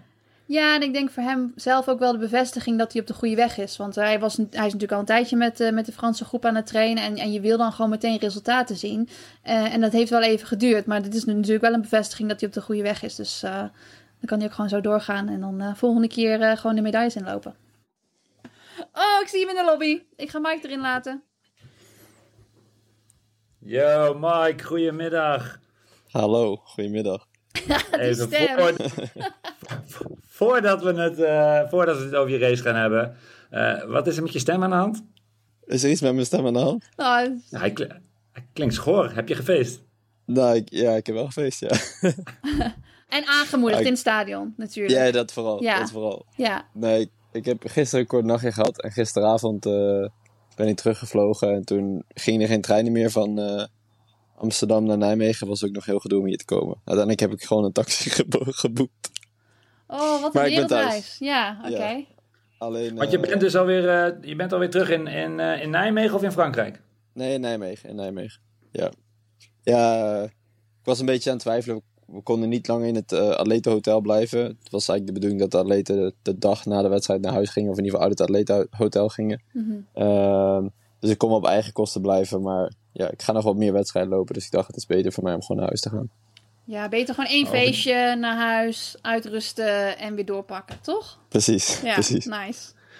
Over die andere, of die geplande races, daar gaan we het straks nog even hebben. Uh, we gaan het zo meteen ook hebben over, uh, over je race uh, op de EK. Uh, maar eerst wil ik het even hebben over bijgeloof. Ik heb een, uh, een uh, uitzending van Suzy Q&A teruggeluisterd, waar jij in zat, van een hele tijd geleden. En toen ging het over bijgeloof. en ook over jouw hoofdband. En daar komen ook heel veel vragen over binnen, want die, die, was, die was er niet meer. En dat was onderdeel van jouw bijgeloof. Wat, wat is er gebeurd? Uh, nou, er zijn meerdere redenen waarom ik, hem niet op, waarom ik hem niet op had. Ik begon hem te dragen omdat hij gewoon functioneel was. Mm -hmm. Voor mijn haar toen, de eerste keer dat ik hem opdeed, was mijn haar gewoon te lang en het zat irritant en het ging alle kanten op. En dan vooral als je een beetje in warme omstandigheden loopt, dat de wax het niet helemaal meer houdt, zeg maar, is het gewoon fijn om, om, om, een, om, een, haarband te hebben. En niet allemaal wax Alleen, in je ogen. Ja, nee, precies. En uh, daarna is het een beetje een gebruik geworden, en, zeg maar, part van mijn, uh, een, een, een deel van mijn, van mijn outfit, zeg maar. Mm -hmm. uh, maar goed, ik, de magie was er sowieso een beetje uit voor mijn gevoel de afgelopen periode. Had meer met mijn prestaties te maken. En uh, het heeft er ook wel een beetje mee te maken dat uh, Nike. Uh, het is een Nike hoofdband. Alleen die mag ik dus niet opdoen bij een EK, omdat uh, Essex de sponsor is van de Atletiek Unie. Kunnen ze hem wel afplakken, hè? Dat kan. Dat hebben ze, hebben ze bij mijn haarbandje gedaan met alle kleine, kleine, kleine Nike ticks. Ja, het, het, mag inderdaad wel. En ik weet dat ik de vorige keer had ik hem wel op, had ik hem binnenste buiten gedaan. Ja. Maar ja, ik weet niet. Ik voelde niet hetzelfde. Nee, en ik ben de ochtend van de race nog naar een, een kapper in München gegaan. Een Turkse kapper in uh, 500 meter bij mijn hotel vandaan. Dat ik dacht, mijn haar zit goed. Ik hoef niks meer aan te doen. Ik heb de haarband in ieder geval daarvoor niet nodig. Mm -hmm. En uh, toen heb ik besloten om hem niet op te doen. Ja, maar de magie, de magie van de haarband is dus weg. Maar de magie van de kapper is dan vanaf nu... Nu moet ik, ik elke, dus... nu moet ik elke ochtend voor de wedstrijd moet ik naar de kapper. Dat wil ik of zeggen. naar die, naar, naar die kapper. Ja, maar jij, jij deed die haarband op omdat je, je had natuurlijk in Monaco... Volgens mij zei je dat toen in de laatste podcast in ieder geval. Ik heb niet teruggeluisterd, maar dat je toen hard liep en daarom moest je nu inderdaad iedere keer die haarband op. Dus is dat nu inderdaad ook zo met de kapper en met de hele voorbereiding voor deze wedstrijd? Nee, ik denk, dat, ik denk dat deze iets minder blijft hangen. Maar misschien dat ik een aantal punten van de voorbereiding wel. eh, ja, ik heb. meestal was wel wat ik al eerder een keer heb gedaan. Of wat ik Mhm. dit seizoen was aan het uitproberen. Bij dit nieuwe team van mij hebben we wat meer details in de voorbereiding die belangrijker zijn. Eh waaronder bietensap. Oh ja. Eh, maar dat heb ik nooit gedronken en nu ben ik daar eigenlijk sinds een paar wedstrijden mee begonnen. en, en, en, en wat is de routine? Is dat een hele week? Is het tien dagen? Is het vijf dagen? Nee, voor mij is het heel last minute. Ik drink gewoon één fles eh, nog de laatste twee dagen voor mijn wedstrijd. En Ja. 250 milliliter per dag is eigenlijk niet te veel. Ehm, en mijn, een van mijn coaches doet een onderzoek naar een, eh, een drankje dat heet Saint Jean. Dat is een eh bubbeltjesdrank, zeg maar, uit, uit Frankrijk. Er zit een heel hoge volume bicarbonaat in. Ehm, en ja, je hebt bicarbonaatpillen en ik weet dat vooral eh, onderdelen, lactische onderdelen, eh, Mhm. dat atleten daar al mee experimenteren. Ik heb dat eigenlijk nooit gedaan. Maar hij doet er dus een heel uitgebreid onderzoek naar, maar vooral met het, met het bubbeltjeswater, zeg maar. Dus ik neem geen pillen of supplementen, ik neem alleen, ik drink gewoon het bubbeltjeswater de hele week voor mijn wedstrijd. Echt En waar? eh, ja, dat is, wel, dat is wel interessant. Ik weet niet hoeveel het helpt, maar ja, het is wel maar hoe voel je dan? Want dan heb je nog niet heel erg opgeblazen. Ja, ik weet niet. Als ik bubbeltjes water drink, dan weet ik niet of ik dan meteen daarmee zo lekker ja, maar rennen. het Heb je dat niet? Het is, niet, het is niet dat ik zes flessen naar binnen zuipen de dag van de wedstrijd. Oké. Maar het is in, in de laatste 24 uur, denk ik nog een liter ongeveer. Eh, maar ik weet dat Jimmy bijvoorbeeld, die drinkt meer daarvan dan van normaal water. Ja. Jimmy, eh, Jimmy Grichet, eh, teamgenoot eh, uit Frankrijk, hè? Ja. Ja, ja die, die drinkt, volgens mij is letterlijk 90% van wat hij drinkt is bietensap en dat bubbeltjeswater. En de overige 10% is... eh, Is wijn. Ja, wat- Dat is toch een Fransman, of niet? Ja. Maar hij moet nog. Hij moet eh, zaterdag of zondag, denk ik. Dus eh, Zondag, we gaan ja. zien of bij hem ook goed eh, uitpakt. ja. Hey, even over jouw, eh, jouw race. hè. Want eh, Suzanne en ik hadden het er net over. We hadden het er ook over met, eh, met Nienke trouwens. Die zat voor het eerst ooit in een stadion eh, bij een groot toernooi. En die was echt onder de indruk, ook van jouw race. Dus complimenten van haar eh, via deze weg. dankjewel. Ehm, maar we hadden het net over jouw race. Ehm, eh, en volgens mij was hij foutloos. Kun, jij beschrijven hoe, of jij dat, ben jij wat kritischer? Of, of was het gewoon echt een hele goede, eh, hele goede race, Mike? Nou, het was nagenoeg perfect, denk ik wel. Alleen, eh, toch heb je... Ik was 10 minuten echt super blij en heel euforisch. En, maar dan na 10 minuten valt ook wel het kwartje van... Het is wel twee plekken van een medaille af, zeg maar. Dus dat, dat, ja, dat is logisch dat je dat voelt, denk ik. Maar bij mij was het meer dat ik het jammer vond dat ik niet... Zeg maar, nog net niet dat niveau heb dat ik echt mee kan doen voor de medailles. Dan dat, dat ik daadwerkelijk iets in de race kan aanwijzen wat ik verkeerd heb gedaan. Ehm, het is, ja, ik, ik denk, eh, sommige mensen zeiden als je net iets met iets meer ballen, zeg maar, mee was gegaan met die top 3, omdat ik best wel veel over had die laatste ronde, eh, dat het dan misschien makkelijker was geweest om erbij te blijven, weet ik veel wat. Maar ja, zo, zo beleefde ik het niet in de wedstrijd, zeg maar. Maar je krijgt ook zoveel adrenaline na een wedstrijd, dat je eigenlijk na drie minuten alweer vergeten bent dat je wel naar de kloten bent gegaan. Ja. Dus na drie minuten denk je, oh, ik ben helemaal niet diep gegaan, maar dat, dat is natuurlijk niet zo. Nee, dat is bent gewoon- bubbeltjeswater natuurlijk. Wat dan... Ja. Nee, maar ik weet, ja, ik heb foto's van mijn laatste 100 meter gezien dat ik weer mijn handje zo had en eh, eh, alles overstrekt en mijn, mijn, eh, mijn hoofd in mijn nek, zeg maar, naar achter. Ja, ik ben gewoon super diep gegaan. En Ja. Ja, ik denk niet dat ik iets verkeerd had kunnen doen. En hoe vaak heb je eigenlijk in de trainingen, zeg maar, want je zit natuurlijk, je, je hebt met je Franse groep in uh, Fontremeu getraind. Hoe vaak ben je in de trainingen, zeg maar, zo kapot gegaan? Zeg maar, herkende je dat gevoel van je trainingen? Heb je dat wat vaker of, of valt het wel mee? Nee, eigenlijk is het niet de bedoeling dat we zo stuk gaan eh, in de training. De trainingen zijn wel iets harder dan wat ik gewend was, maar het is niet, eh, niet op deze manier, zeg maar. Maar ik moet zeggen dat ik negen dagen of acht dagen voor de wedstrijd een eh, laatste specifieke prikkel had. En dat was wel echt een, eh, ja, bijna exact het verloop van de wedstrijd heb ik in de training gedaan. Dus ik deed eh, vier keer, twee keer 800 in wisseltempo. Dus Mhm. eh één 800 niet zo hard, rondjes eh 68. Dus dat is een beetje 2,50 per kilometer. En dan maar één minuut pauze volgens mij, 200 meter jog. En dan een hardere, dus in 5 Mhm. kilometer tempo. Eh, en dan iets langere pauze en dat is vier keer totaal. En eh, ja, zo ging het gisteren volgens mij ook. Het was twee keer een rondje van 63, twee keer een rondje van 68, twee keer een rondje van 63. Ja. En ik zat in de wedstrijd, was ik ook aan denken, ja, ik heb het vorige week al gedaan. Alleen Ja. dan met, met een pau- minuut pauze tussendoor, zeg maar. Het is grappig dat je zegt, want de wisseltempo, dat is wel iets wat ik ook heel veel voor 10 kilometers train voor, voor toernooien. En heb ik jou nog nooit eerder over gehoord. Is dat iets wat nu anders is dan in je vorige training? Dit heb ik nog nooit gedaan, zo'n training. Ja. Ja. ja, niet in ieder geval. Het was vaak progressief in mijn training, dus dan ging ik steeds harder. Maar dat Ja. is anders dan eh, weer terug naar een langzamer tempo gaan, zeg maar. Ja, dan kun je veel langer kapot gaan natuurlijk. Ja, precies.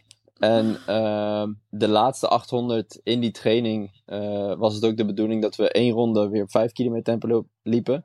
En die laatste ronde mag wel echt hard. Eh, Mhm. Alleen dan niet hard meteen aanzetten, maar progressief hard. Want op een toernooi is het ook altijd zo.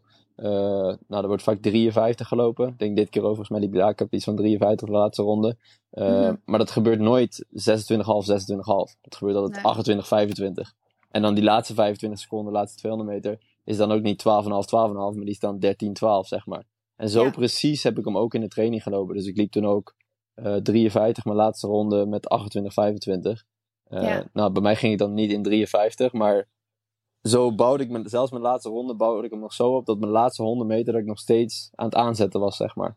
Eh, alleen had ik niet echt meer iemand om direct tegen te strijden. Want degene achter me zat Ja. volgens mij drie seconden achter me. Degene voor me anderhalve seconde voor me. Dus in die zin had ik het niet per se meer nodig. Maar ik was wel heel erg scherp en ready voor zo'n race, zeg maar. Ja, gaf je dat ook wel het zelfvertrouwen, zeg maar? Want ik, ik vond toen, je, toen ik je op de startstreep zag staan en, en, en ook gewoon tijdens de wedstrijd dat je gewoon zelfvertrouwen uitstraalde. Had je dat echt wel meegenomen van, van de training en van de voorbereiding? Nou, het is. Ik heb, ja, ik heb heel erg moeite gehad. Dat zei ik natuurlijk in de vorige podcast ook. Met mijn zelfvertrouwen. Eh, omdat ik maar telkens in die wedstrijd niet die bevestiging kreeg. En dat had met Hmm. meerdere dingen te maken. Meestal met het weer. Eh, dat ik dan, dan was het altijd, ja, goede prestatie naar omstandigheden.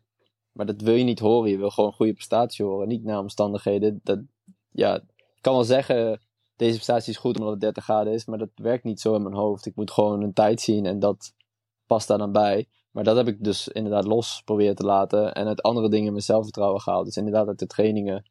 Ehm, en ik moet zeggen dat mijn coach ook wel... Hij is heel erg uitgesproken in zijn vertrouwen, zeg maar.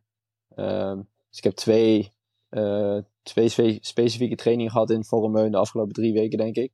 En twee keer zei hij echt, dit is echt een hele goede training. Dit is echt een Mhm. training die Jimmy of een training die ik andere atleten heb zien doen. eh, echt op hun piek, zeg maar, voor, voordat ze een medaille pakten op het toernooi.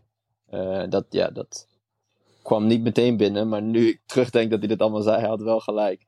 Ehm, en dat, ja, natuurlijk gaf me dat wel wat vertrouwen. Ehm, maar ik had me Ja. vooraf gewoon heel erg voorgenomen, eh, als raceplan, om in ieder geval in de mix te zijn. Dus zo heb ik geraced. Elke keuze die ik maakte in een wedstrijd, was met het idee, ik wil zorgen dat ik met een kilometer te gaan nog steeds op een positie ben waar, waarbij ik mogelijkheden heb. En jezelf een kans geven. Echt. Precies. En als ik dan, ik had liever dat ik eh, na 4 kilometer op plek 5 liep en terugviel naar de 15e plek, dan dat ik op de 15e plek liep en te ver van achter zet en dan uiteindelijk misschien vijfde was geworden, maar dacht van ja shit, als ik hier iets verder voor in had zitten, had ik een medaille kunnen pakken. Dus zo heb ik hem Ja. echt, echt benaderd. Ik heb ook niet geraced voor een, ja, je hebt veel atleten, bijvoorbeeld Isa Kimeli, ik weet niet of je die hebt zien terugvallen de laatste 400. Ja, Maar Ja. die race dus echt voor een, voor een plak. En toen dat niet gebeurde, viel die terug. Maar dat, dat had ik liever ook ik dacht bijna dat hij geblesseerd was of zo. Ik wist niet wat daar gebeurde. Ja, hij viel, Die, hij die was viel, echt aan het wandelen. ja, hij viel het heel erg terug. Maar eh, ik had echt zoiets. Ik heb liever dat ik voor, voor brons race en tiende word. Dan dat ik voor top 8 race en dan achtste word, zeg maar. Maar wel van heel erg Ja. van achter kom. Dus zo heb ik hem eh, heel erg benaderd. En ja, met wat ik zei, met elke keuze die ik maakte in de race heb ik zo gedacht. Ik wil gewoon bij die top 5 in de buurt blijven. En, eh, en dan op het laatst zien we wel wat er gebeurt. En, en dat eh, bezig zijn met vooral die positie en, en dus niet met, eh, met tegenstanders of misschien zelfs wel één tegenstander. Jacob Ingebrigtsen die denk ik ja, voor bijna alle anderen wel echt als favoriet werd gezien. Zeker op dit moment misschien zelfs wel eh, onverslaanbaar. Heb jij, eh, we hadden het daar net over, hij liep natuurlijk een heel deel van de race achter je. Er waren zelfs echt grote gaten zelfs. Heb jij daar iets van meegekregen of zat je echt alleen maar eh, gewoon op je, op je eigen positie te letten en niet op, op Jacob? Nee, ik had wel redelijk overzicht. Want ik zag zijn, die andere Noorse jongen die ging op een gegeven moment aanzetten. Volgens mij na anderhalf kilometer of zo. En toen viel er aan het gat. Toen heb ik even zo'n twijfelmomentje gehad. Want ik zag Jacob die liep bij me en die liet het los. En toen dacht ik, Mm. ja, ik weet dat Jacob op het einde voorin zit. Dus ik kan ook gewoon zorgen dat ik bij Jacob zit. Maar ik- soms heeft hij zo'n tussenronde en dan loopt hij gewoon 56 tussendoor en dan doet hem helemaal niks. En de rest kan dat gewoon niet. Dus ik dacht, ik moet het vanuit mijn eigen kracht doen. Eh, dus ik besloot toen om wel bij dat groepje aan te sluiten. Maar op een gegeven moment keek ik om. Ik was de laatste in dat groepje, zeg maar. Dat ging best hard. En op een gegeven moment keek ik om. En dan zie ik gewoon 40 meter achter me zie ik pas die andere groep. Ik denk, wat gebeurt hier? Dat zie je niet vaak in de 5 kilometer.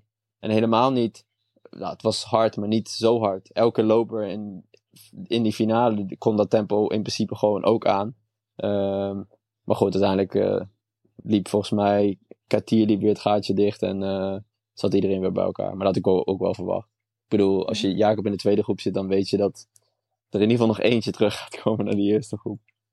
Het is wel mooi dat je echt hebt geleerd om vanuit je eigen kracht te racen. En, en dat je voor jezelf weet hoe je het beste resultaat kan behalen. Ja. Denk je dat dit nu het eerste jaar is dat je dat, dat, je dat voor jezelf weet? Of- Ja. Nou, ik, ik, heel, heel vaak zeiden mensen tegen mij, je hebt altijd zo'n goed eindschot. Alleen, ik, dat voelde voor mij nooit zo, omdat ik er nooit iets mee won. Ik had een goed eindschot, maar dan ging ik van plek 12 naar plek 8. Ja. En dan had ik wel een goed eindschot, maar dan dacht ik, ja leuk, maar ik heb er niks aan. En nu was het voor het eerst een race dat ik ook echt, dat ik echt een verschil maakte. Volgens mij liep ik met de ronde te gaan nog tiende. En het verschil tussen 10 en 5 voelt wel heel erg groot. En vooral de manier waarop, zeg maar. Het was niet 5 eh, met 30 seconden achterstand op brons, zeg maar. Ik, deed, ja, ik was gewoon in de mix.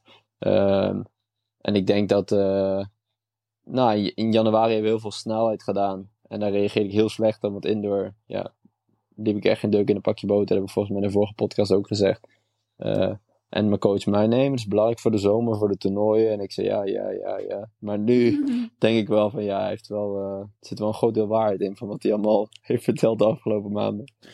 Even, ik heb wel best wel wat vragen eh, gekregen. Ehm, ik ga me alvast gewoon schuldigen voor alle vragen in deze podcast die gesteld zijn, maar waar ik geen naam bij heb eh, genoemd. Maar dat ga ik niet proberen. Ehm, en we kregen ook wat vragen over corona. Je hebt ook wel openlijk gezegd dat je corona hebt gehad en dat je daar last van hebt gehad. Eh, en dat hebben natuurlijk veel mensen. Kun, kun je iets vertellen hoe, hoe lang je daar last van hebt gehad? En, en heb je, ja, ben je misschien ook al te snel er weer mee gaan trainen? Of heb je juist heel lang, ben je geduldig geweest? Eh, nou, ik moet zeggen dat toen dacht ik dat ik een van de ongelukkigen was, zeg maar. eh, die er best lang van had, last van had. Maar nu, eh, ja, natuurlijk met Suzanne, maar ook een aantal andere leden die ik deze zomer heb gesproken, eh, valt het eigenlijk bij mij echt wel mee. Het was, eh, in totaal heb ik er denk ik vier weken last van gehad. Ehm, maar niet vier weken intens. Ik denk, ik ben wel goed ziek geweest. Eh, ik denk dat ik vijf, zes dagen gewoon op bed heb gelegen. Ehm, maar bij mij was het kloten dat die testen, die, die, die waren nooit correct. Dus ik heb, drie, ik, weet, ja, ik heb toen drie keer getest en die waren drie keer negatief. En je, je bent toch net iets onvoorzichtiger als je denkt dat het geen corona is. Dus ik bleef een beetje half doortrainen en een beetje op de cross trainer. Dan ga je een klein griepje of een beetje een, een ernstige verkoudheid, zeg maar. Eh, totdat ik echt ziek werd en dacht van ja, dit, dit moet corona zijn. Want ik heb nog nooit zoiets gevoeld. Ehm, en toen ben ik denk ik toch te snel weer gaan lopen. Ik denk toen ik ehm, twee dagen geen koorts meer had, drie dagen ben ik alweer gaan lopen. Eh, en toen kwam pas het hele longen eh, verhaal erbij, zeg maar. Dus eigenlijk, toen ik begon met trainen, kreeg ik pas last van mijn longen. Dus ik denk dat ik da- dat wel echt te vroeg was. Toen heb ik, eh, ik heb denk ik nog zes weken gehoest. Ehm, zonder dat ik daar pijn bij had of zonder dat het me hinderde, maar wel gewoon eh, nog naweeën van corona, zeg maar. Ehm, ja, het is wel belangrijk om er heel erg voorzichtig mee te zijn, zou ik zeggen.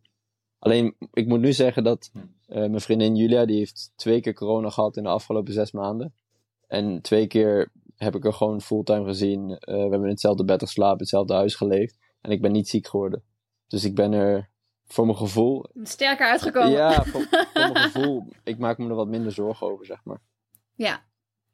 Dus eh, Zei ik nog de naam niet, hè? Zei ik nog de naam niet. Deze vraag kwam eh, onder andere van Richard Vis. oké. Maar, Geldt dat ook voor jou, eh, Suzanne? Heb je, ben, je, ben je ook eens dan weer te vroeg eh, begonnen met de, zeg maar met de kennis van nu? Dat weet ik eigenlijk niet. Want ik, heb, ik ben eigenlijk niet echt ziek geweest. Ehm, ik heb wel gewoon een, een week helemaal rust genomen. En daarna ben ik echt weer heel rustig begonnen met trainen. Dus ik, ik denk eigenlijk dat ik er best wel voorzichtig mee ben geweest. Ehm, Maar bij mij kwamen die problemen, die waren er ook eigenlijk niet meteen. Dus het is net of het zich een soort van ontwikkeld heeft. Kijk, ik had natuurlijk last van verzuring en zo. Het was niet per se dat mijn longen niet goed waren. Ik heb ook niet gehoest en zo. Dus je ziet ook wel dat er echt heel veel verschillende klachten zijn bij verschillende mensen. Maar ja, natuurlijk, als je positief test, dan lijkt het me heel slim om gewoon een, een, een week rust te nemen. Want waarom niet? Want je wil niet een risico, onnodig risico nemen. En wat is een week training nou? Dus uh, ik ja, ik denk op zich dat ik het wel goed benaderd heb en dat ik gewoon echt hele vette dikke pech heb gehad. Um, ja, en nu gaat het gewoon wel weer goed en ik weet ook eigenlijk niet waarom. Dus het is, dat betekent ook niet dat ik de volgende keer iets, iets anders kan doen, want ik weet niet waarom het nu beter is. Dus, nou, ik, ik, uh, ik denk ook wel dat het een soort handrem op je lichaam zet of zo. Omdat ik -hmm. voelde me toen na vijf dagen wel weer goed om gewoon actief te zijn. En die moeheid heb ik nooit gehad. Ik was gewoon actief in het huis.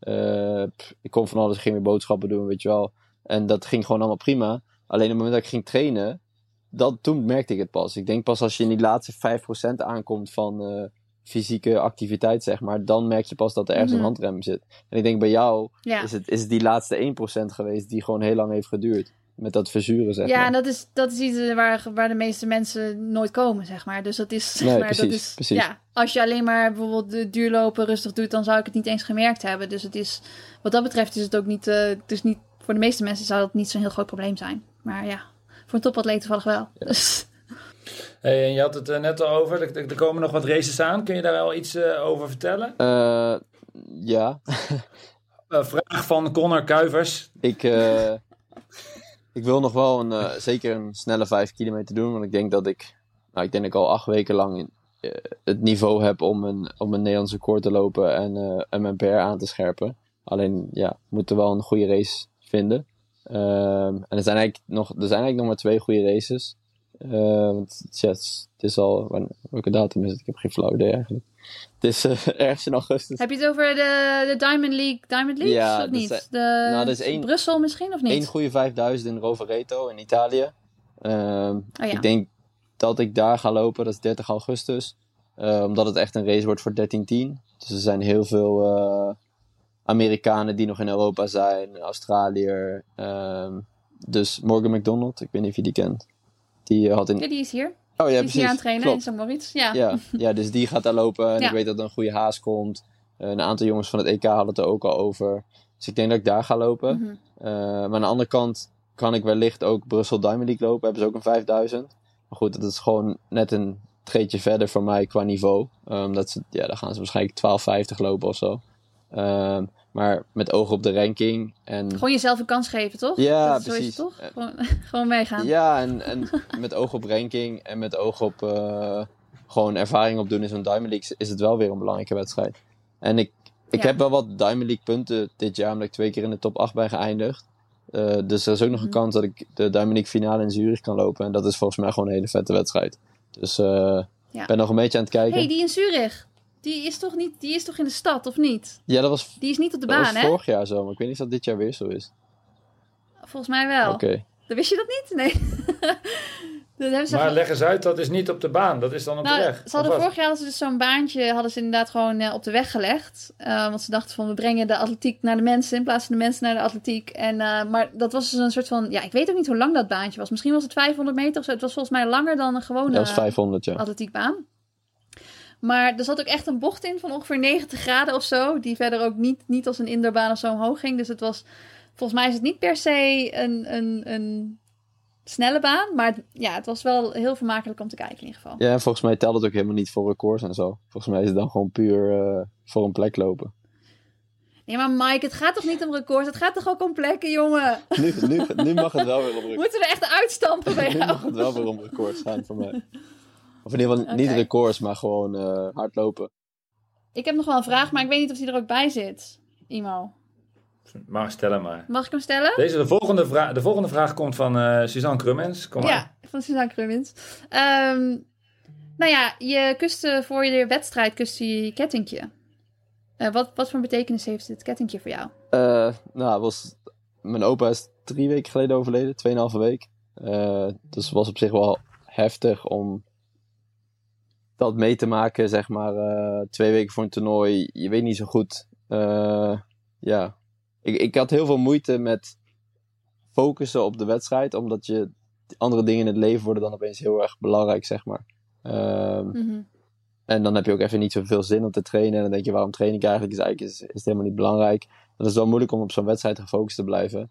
Ehm, en ik wist al wel langer dat het niet goed met hem ging. Hoor. Hij heeft, eh, volgens mij is het nu acht weken geleden, zes weken geleden te horen gekregen dat hij uh, uitgezaaide longkanker had. Ehm, en dat is eigenlijk gewoon, hij kon nog wel chemotherapie doen, maar hij was er zelf eigenlijk een beetje klaar mee. Hij, eh, hij wilde niet die lijdensweg eh, ingaan, omdat hij dat bij mijn oma heeft gezien een aantal jaar geleden. Dus hij was daar eigenlijk heel erg duidelijk in. En Mhm. het ging eigenlijk best wel goed met hem de afgelopen weken. En toen, uh, twee weken geleden, heb ik hem gezien. En toen uh, zat hij al wel echt onder de medicijnen. En toen ging het niet zo heel goed met hem. Uh, toen was ik heel erg aan het twijfelen. Want ik zou uh, drie weken voorafgaand aan het EK dus nog drie weken naar Vormeu gaan. Uh, maar ja, Vormeu is gewoon heel moeilijk te bereiken qua reizen. En je gaat toch praktisch nadenken van... Ja, kan ik niet beter hier blijven? Als ik daar alleen maar zit en alleen maar naar huis wil, werkt ook niet. Toen volgens mij een dag voordat ik vertrok toch een vlucht geboekt. En een beetje voor mezelf gezegd van... Nou, ik heb nu eigenlijk mijn afscheid met hem gehad. Omdat ik hem toen heb gezien. En toen, toen klaarde hij opeens weer helemaal op. Toen, toen had hij weer een nieuw leven, zeg maar. Toen was hij gewoon weer helemaal fris. Hij ging van die me medicijnen af. Of in ieder geval had een nieuw medicijn die, die het heel goed deed bij hem. En toen voelde ik me zo slecht dat ik in volle meus zat. Terwijl ik gewoon liever bij mijn familie en bij hem wilde zijn. Uh, dat ik na drie dagen hoogte weer naar huis ben gegaan. Oh, drie ja. dagen. Oh. Dus ik ben drie dagen op hoogte geweest, toen weer teruggegaan. Uh, heb ik hem weer twee keer kunnen zien. Uh, en toen heeft hij euthanasie gekregen. Uh, omdat hij, ja, hij was nog zo scherp mentaal. uh, maar het lichaam was gewoon echt aan het opgeven. Uh, en dat was al heel mooi, maar ook heel heftig. Omdat we met de hele familie er gewoon bij waren. En echt tot, Mm. tot aan twee minuten voordat hij overleed, was hij gewoon nog grapjes aan het maken. En was hij gewoon nog. Ja, het was een hele rare sfeer eigenlijk. Omdat het, het was constant lachen en huilen. Omdat het nogal een grappenmaker was. En ook. Ja, hij zei twee minuten voordat, hij- voordat hij de spuit kreeg, zei hij nog: Waarom kijken jullie allemaal zo droevig? Ja, Oh, zo, nee. zo of hij zei ook nog fijne avond nog, zeg maar. Hij was heel erg... Echt, ik had heel veel respect voor hoe hij eh, daarin stond, zeg maar. Eh, Maar Mhm. ook hoe mijn hele familie daarmee omging. Daar ben ik echt heel erg trots op. Mhm. En heel erg blij dat ik daarbij was. Ehm, en daarna heb ik gewacht op de begrafenis, of op de crematie. En eh, ik ben uiteindelijk dus acht dagen terug geweest eh, in Nederland, tussen, tussendoor. En toen ben ik terug naar hoogte gegaan om even weer alles op scherp te krijgen en mijn hoofd eh, in weer daar naartoe te krijgen. En toen, even kijken, ja, ben ik nog negen dagen op hoogte geweest, geloof ik. En toen naar München. En op de dag van de wedstrijd heb ik mijn moeder gezien. En dit is zijn kettingje, die hij eigenlijk 25 jaar eh, om heeft gehad. Het is een, het is een kangeroe, omdat hij heel erg, heel erg Oh. hield van Australië. Ehm, Oh, ja, leuk. dus die heb ik de, de middag voor, voor mijn wedstrijd omgehangen en eh, vandaar. Oh. Wauw zeg, jeetje. Ja, het doet me een beetje denken aan ook aan natuurlijk met Has eh, een aantal jaar geleden Ja, met de oorbellen precies. van Suzanne. Ja, inderdaad. Dat is ook wel toevallig. Ja, met, dit. met is, 400 eh, meter gaan dacht ik ook, had ik in mijn hoofd. Voelde ja, je ik het? voelde het, ja. Ik Ja. voelde hem tikken, zeg maar, op mijn borst. Ja. Ja, Ja. super. Wauw, kippenvel. Ik eh, weet nu even geen bruggetje. Dit is... eh, ja, mooi zeg. En want want eh, was, hij, eh, was hij een liefhebber zeg maar, van de sport en, en hij volgt Ja, jou natuurlijk. Maar het hoe, het grappige is dat eigenlijk pas nadat hij was overleden, hoorde ik pas terug van andere mensen hoe vaak hij het over mijn sport had, zeg maar. Want tegen mij zei hij altijd, sport is Ja. ongezond. Moet je niet doen. Te veel sporten moet je niet doen. Dat is ongezond. Zo zei hij het altijd. Nee. Eh. ja, dan stiekem achter je rug om wel Ja, en ook dat zo'n zo'n Frans, hij, hij vond Frankrijk ook helemaal geweldig. Hij volgde Franse les. En dat zelfs zijn Frans lerares kreeg appjes wanneer ik een wedstrijd ergens ging lopen. En, en die, die kwam ik dus tegen op de begrafenis. En die zei van ja, ik weet al je prestaties, want hij appt het allemaal door. Maar tegen mij had hij het er nooit over. Ja, mooi is dat. Nou, het is toch wel extra kracht die je ook weer gewoon meeneemt in, in nou, gewoon de rest van je carrière. Niet één wedstrijd, maar altijd Ja, natuurlijk. Dus dat vind ik wel echt Ik kon het heel erg loslaten. Ik vond het allemaal even niet zo heel belangrijk meer. Eh, dan ga je ook Mhm. het leven nieuw zien, zeg maar. Van, dat je heel erg blij moet zijn dat je dit allemaal mag doen, zeg maar. Ehm, Mhm. En dan worden, ja, het zijn bepaalde dingen die belangrijker worden. Ik heb een week niet echt goed kunnen trainen, omdat ik gewoon ik had, bij mij staat eh, emotionele eh, stress slaat heel erg op mijn borst. Dus ik krijg heel erg last van mijn luchtwegen. Ik denk dan weer meteen dat ik allemaal puffjes nodig heb, dat ik astma heb. Maar dat is gewoon puur stress dat heel erg op mijn, eh, eh, op mijn longen slaat. Of in ieder geval mijn tussenribspieren. Dus ik heb een week lang, eh, was ik bijna een astma-patiënt voor mijn gevoel met, met hardlopen. Misschien was dat mijn hoogtestage thuis. Misschien heeft het nog geholpen. Ja, Ehm, maar dat, ja, als je dat dan eenmaal los kan laten, dan heb je alle prioriteiten weer op orde. Ja, Nou, probeer, probeer maar een, nou, probeer maar een bruggetje te maken, iemand. Nou ja, ik, ik moet zeggen, heel eerlijk, ik, ik herken heel veel erin ook. Je zei net al even over Has, maar ik weet inderdaad ook voor 2014 in, voor Zurich dat ik ook dat ik inderdaad niet kon trainen. En dan, dan merk je weer hoe erg de mind en de body, het is allemaal helemaal eh, verbonden natuurlijk. Ik, ik kon toen ook geen ademhalen, ik kon ook niet trainen, weet je wel. Dus als, als er in je hoofd iets niet goed zit, dan, dan gaat het gewoon niet. Dus het is zo belangrijk als atleet omdat... Kijk, het hoeft niet 100% altijd goed in je hoofd te zitten, maar op de juiste momenten wel. Dus dan is het wel heel knap dat je in zo'n korte tijd dat zo goed in je hoofd hebt kunnen krijgen dat je gewoon klaar was voor die wedstrijd. Dus dat is wel echt, als je dat eenmaal één keertje gedaan hebt, dan weet je gewoon eigenlijk dat je alles aan kunt, toch? Dus dat Ja, is, en ik, eh, ik, ik moet zeggen dat ik vroeger, als ik zei van ik ga hiervoor, dan geloof ik er ook in. Maar de afgelopen, mhm. nou, afgelopen half jaar zei ik ik ga hiervoor, maar dan voelde ik het niet van binnen. Dus ik zei het wel, ik sprak het wel uit, maar Mm. ik voelde het niet. En nu van tevoren zei ik echt, ik ga voor een medaille, ik ga voor een hoge, eh, een hoge plaats, zeg maar. En eh, ja, dat, dat, ik voelde het ook. Ik voelde gewoon dat ik het kon. ja, je wist het gewoon. En dan, eh, Ja. dan, Ja, dan matcht alles weer, zeg maar. Ja. Ja, heel groot contrast met, eh, met jouw vorige toernooi. Ja, nogal. Eh, ja, en dus denk ik ook wel, eh, weet je, de, de- nu eh, een nieuw hoofdstuk eh, is weer begonnen, als ik dat zo, eh, Ja. zo hoor. Mikey 2.0. Nou, maak maar 6.0 van.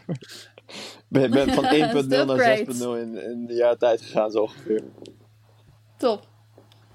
Ja. Oké, nou ik, eh, ik denk eh, dat we hem gaan afsluiten. Ik, eh, ik kan nu nog wat, eh, wat vragen stellen over het eh, geweldige publiek en eh, wat je daarvan meekrijgt in, eh, in, eh, in het stadion. Want die, die, die avond was eh. Gigantisch. Eh, misschien kun je daar nog iets korts over zeggen en dan, eh, dan denk ik dat we een hele mooie. Een hele mooie Ja, het was voor mij de eerste keer met publiek. Omdat, eh, nou, sinds ik toernooien ben gaan lopen, of grote wedstrijden ben gaan lopen, was het eigenlijk altijd corona. Eh, dus ik heb een aantal Diamond Leagues Mhm. gedaan waar misschien 10.000 mensen zaten. Maar dat is heel anders dan, wat was het, 60.000 man die er in het stadion zaten. Het was echt, eh, en ook zo'n groot stadion is het galmde heel erg. Eh, dat ik op de warming-up baan stond en dat er volgens mij een speer werd gegooid eh, in het decathlon. En dat ik al dacht van, dat de warming-up baan bijna aan het trillen was, zeg maar. Zo, eh, Maar je voelt gewoon in je buik, toch? maar ja. ik moet zeggen dat het me niet Mooi. eh, ik heb wel eens gehad dat ik op een, op een baan kwam. Ik had het bij de FPK Games. Toen kwam ik op de baan en kreeg ik kippenvel. Omdat dat voor mij ook een van de eerste keren was dat ik zoveel publiek zag. Maar nu, ik keek gewoon naar de baan. Ik zat in mijn eigen hoofd. Ik heb, ik heb niemand gehoord, ik heb niemand gezien. Ik heb even oogcontact met mijn ouders gezocht. Wist waar ze zaten, dus ik was even aan het kijken. Ik zag een oranje shirtje. Ik gaf hun kusje naar ze en dat was genoeg voor mij. Daarna heb ik alleen maar naar de baan gekeken. Mhm. Wat mij, eh, wat mij opviel, jullie worden dan eh, aan de zijkant van de baan, eh, komen jullie erop. En dan moet je nog een, ik denk 150 meter lopen naar de start. En bijna iedereen doet dat sprintend, of in ieder geval deelsprintend. Ehm jij wandelde relaxed volgens mij. Volgens mij heb jij de hele weg gewoon lekker, gewoon rustig gewandeld naar de start, ja. of niet? Ik was, ik was gewoon heel erg in mijn eigen hoofd. Ik, ik deed volgens mij een versnelling Oh, ja. van 20 meter of zo. En ik zag iedereen voorbij lopen. En ik dacht, nou, hoeft niet. Maar ze doen allemaal gekke dingen en dan gaan ze hard en bewegen en iedereen is helemaal hyper. En ja, je kwam Ja, gewoon heel klopt. relaxed over. Ik was een beetje Ja. omheen aan het kijken. Mike zag dat het goed was. Nou, ik, ik, ik was gewoon aan het kijken. Ik keek mensen gewoon in hun ogen aan, zeg maar, in het publiek. Maar ik hoorde niks op een of andere manier of zo. Het was gewoon een, een Ja. baas waar ik doorheen ging tot ik op de lijn stond. Ja, een beetje wel, ja. Hm. Ja, mooi. Oké, nou, volgende wedstrijd dus. Kapper. Eh, wandelen naar de start. eh, en de ketting om. En dan komt het ja, volgens mij helemaal de, goed, de nieuwe rituelen. Ja, mooi. Hou erin. Mooi. Ja. Hey, we gaan zo ehm, schakelen we over naar eh, Richard. Die Mhm. zit zo, eh, hoe noem je dat altijd zo mooi, hier in de lounge. In, In de lobby. virtuele lounge. In de lobby. oh, sorry.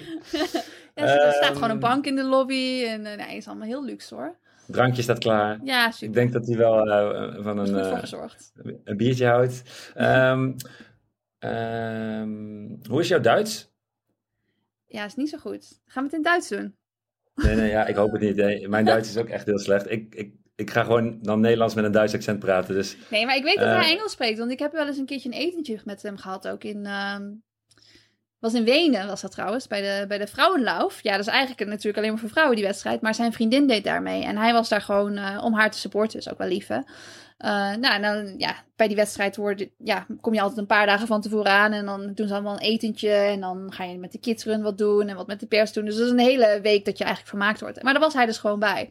Eh, en toen heb ik in ieder geval gewoon Engels met hem gepraat. Dus volgens mij kan hij wel een beetje Engels. Ja, maar we kunnen ook wel een beetje Dinglish. Als we dan een beetje zo tussen Nederlands en Engels, dan is het, dan is het niet zo'n grote overgang, toch? Beetje Ja, zwaar ik vind het Nederlands. mooi. Vroeger, vroeger had je van die nasynchronisatie op de Duitse televisie. Dat, dat kunnen we ook doen. Ja. Oh, ja, dat hebben we gewoon de Duitse Imo en Suzanne. Ja, lijkt me leuk. Gaan we regelen. Oké, nou, zullen we hem, eh, zullen we hem zo binnenlaten? Ja, is goed. Okido. Uh, guten Tag, King Richard, en und gratuliere mit deiner heroische Sieg. Thank you for joining our podcast. How is your day so far? Yeah, thank you very much uh, that I can be here at the podcast. Uh, yeah, I, I'm fine, uh, much better than the days before. Uh, today was my first activity since the marathon. I did a two hours uh, bike tour with my girlfriend Nada, and Oh, is yeah, this in it, Munich? it was nice. Uh, yeah, around was was really nice. Very nice. It's You like will, a... uh, you will stay in Munich uh, till the end of the tournament? Uh, yes. That that I see also uh, the the emotions from from the other athletes and everything. Yeah. And how are the legs feeling today? Yeah, like like better, but uh, yeah, I was uh, three times at the physio. Normally the physios are for the athletes who have the competitions, but there was some uh, free space, uh, so I, I used that. nice. and I think that's that's very, they're very good. Uh, I used also uh, like the like like energy that's called kinesio key for the hips. Mhm. Uh, that is getting more soft because that was a part in the marathon who hurts a lot. Uh, also the upper legs on the on the front side. So they did a good job. That I that I'm feeling much better today. Good. But is it uh, is it is it an injury or is it just stiff and No. normal problems like, uh, after a marathon? that's marathon life. yeah, that's that's just marathon life. It's it's normal. Of course, uh, if you have like a, a perfect marathon, uh, like I had it in Siena, uh, there was completely no pain at all. But uh, of course, of the heat, uh, like dehydration and the cramps, I I think it's normal if it's getting hotter.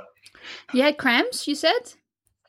Yeah, in the in the in in the in the upper leg, but not like really really hard. It was more like it pain a lot, so I hit on my own legs. Oh, That's- wow. Yeah, the, but but you heard it from other athletes also. The- So when when did this happen in the race? Part.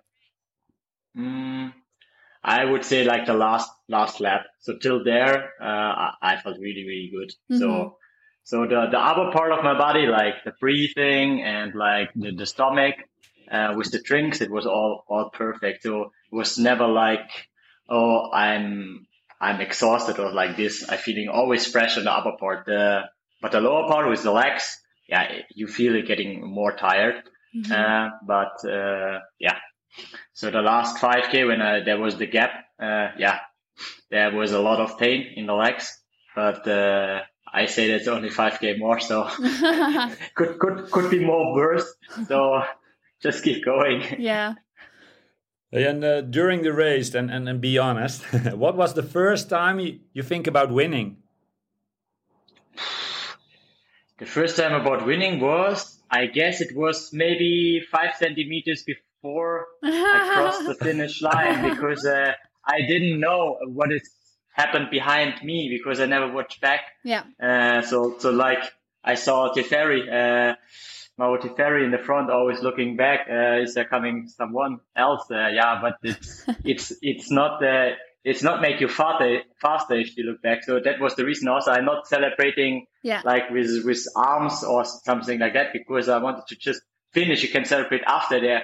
If I saw some videos on YouTube and they're celebrating too early, yeah, and then they lose the, the Yeah. race. So yeah, I better I better just finish completely. I give everything 100%. percent And if, if this is not enough, okay, that's not enough. But if it was uh, only 99% at the end that you lose, yeah, you will always think about that Hmm. at the end. So therefore, uh, I keep going. Yeah, and and yeah, also also at the finish line, I never thought about medals or something like that. I thought also I give everything. Now I'm in like there's the last kilometer. I'm in the crew. So if I'm fifth or something like that, I thought like, but then it was really close. So at the end, and I thought like always we- for the team now every second counts. This was not like single. I Mhm. think uh, maybe it would be like only I I would if I would be only the, the the single German athlete, maybe it would be different from the thinking, I guess. Yes. So you're running for the team as well as for yourself. Yeah, and that for me was motivation if uh, when when Amanda Petrus uh, like passed me because then then I know yeah we are we are two guys in the in the team already, so only one is left. So Mhm. the medal uh, looks looks very good for us, and that was always the goal for our our team. So we were six athletes uh, in the field. Yeah. Uh, so that that that was uh, I think from from mental things uh, very good. But did you think honestly? Oh, sorry. With the with the with your kick and how fast it was. I mean, you come from the 10k from the track, so you're obviously like Yeah. a, a very fast marathoner. Did you honestly think while you were kicking, someone else might actually still sprint past me? Yes, yes, because uh, if I if I can do it, why not another guy can do that? So of course, when I saw the the race, the last uh, 1K uh, at midnight, the first time uh, on Monday, okay, I thought like, okay, yeah, it's not possible. but at that moment, I not realized that I'm that fast Yeah. uh, because I have other other others. Like I don't know what I, what I think really it was just the crowd. It was so loud that just keep going and then the Maro Tefera came closer and closer and I saw like okay the finish line is getting. It, I don't know where it is. It looks so so far becoming closer, but it's still so far. Mm, yeah. And yeah, that was that was really good. That it was a little bit uh, far behind. That I get motivation to now. Okay, it, it would be good I win a medal, but what is if I win a European title? That that, that will be like crazy. And so I, I give everything uh, till till yeah till the till the finish line. And you mentioned the crowd. Uh, that was unbelievable, isn't it? Those those last hundred meters. Uh, uh, were you completely in the zone, or did you ab- absorb all the all the crowd, all the cheering? No, no, yeah, it was so loud that you are not. Yeah, you you hearing some booms like uh, it's always like one second you hear something, then you hear nothing. It's like that feeling because it's too loud. So the, the the brain they can can't hear anything. Uh, so like it's it's more like like boom, boom, boom all the time in the head. It, it was it was it was really crazy. But all the 40k was uh, the crowd was amazing. So of course at the end with with like bumping uh, on yeah on on on like it is hearing like uh, drum buses like this. It, it was really loud. Uh, the support was amazing the the whole time. Yeah. I saw that uh, you posted something on your Instagram that like you actually had this as a goal, and you even said it on a video that you wanted to win the European Championships. Yeah. When when did you actually record that video? When you said that? That was uh, in April in, Flagstaff. Yeah. So you have thought about my- it before. yeah. yeah. Uh, Of course, yeah. Uh, but yeah, that's always if you go on the start line, and especially for marathon, yes, everything is possible. Mhm. You never know uh, which guy uh, finished. You also see now the, the the results. There are a lot of guys also dropped out, unfortunately. Yeah. Um, and it, it could be happen all the time. Uh, of course, this time I think the favorites were all in the front. If you see like the top ten uh, list with the personal best, I think the favorites was in, and I was also one one of the favorites. I would say with the 208. Of course, the guys with 206, Mhm. but it's just two minutes. And yeah, if you if you're not uh, yeah if you get adapted to the heat, then it's uh, completely different. Uh, and that that was I think the the main uh, yeah the main reason why I trained always at the at the heat that I get yeah, used to it. It was always my weakness uh, the last years Mhm. that the heat uh, was a problem and my body, it was at the start line and, and it felt really, really bad from the beginning. Um, so, and this time was completely different. I, I was at start line, I ran and like, it's the perfect feeling now. Mhm. Doesn't matter how hot it is. And I think that was, uh, yeah, the key uh, of, of winning. How did you train for that? Is it just training in the heat, or did you do something else as well, like saunas or other things? I, I think like like the last year I was always in the best uh, conditions I trained. I trained in St. Moritz, a Mm. nice place, best place I think in the world to train, but it's like 19, 20 degrees. It's perfect for runners, but Mm. uh, it's it's perfect for uh, like for spring or autumn marathon, but but not for like yeah years before for Doha at on the track or for Sapporo. It was, was not good uh, thing. So I started very early in December. I started in Dubai. oh yeah. Uh, also, uh, you see like Elish McCorgan also trained in Dubai a lot. hmm Um, that that was that was I would say also very hard that that training. Um, but it was a more inter- interval training, not like marathon training. And then we was in Kenya in, in January. It was also hot. And then we were 2 Mhm. times in Flagstaff. And also, yeah, at the end, at June and July. And then when I came back, uh, I was the four weeks before uh, the championship started. I came back from Flagstaff because I wanted all out because I realized always after the high altitude I have sometimes uh, a phase where uh, I'm really weak and I never know when it happened. It could be after some days, it could be after some one week, after two weeks, but I know always after four weeks I was always good. But of course, there's also like, yeah, but then you have not the advantage of the high altitude. But I said, yeah, but, but I trained then also a little bit higher and then I can recover better. And yeah, and I trained, yeah, like I, I live only two hours from Munich away. So like the climate was really similar. I think uh, it was, uh, on Monday was perfect day because it was not that hot than that Sunday or Tuesday. And I trained in, in much warmer conditions at home.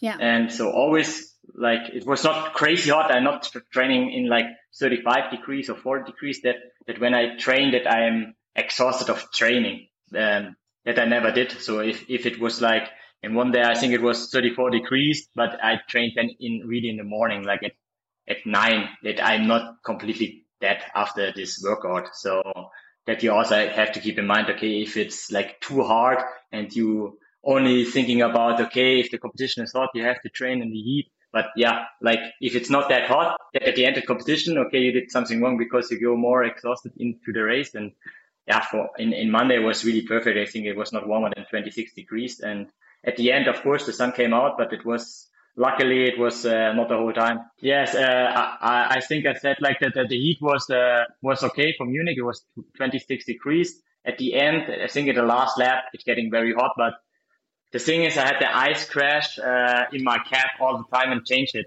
And so for my heat, it was always cool.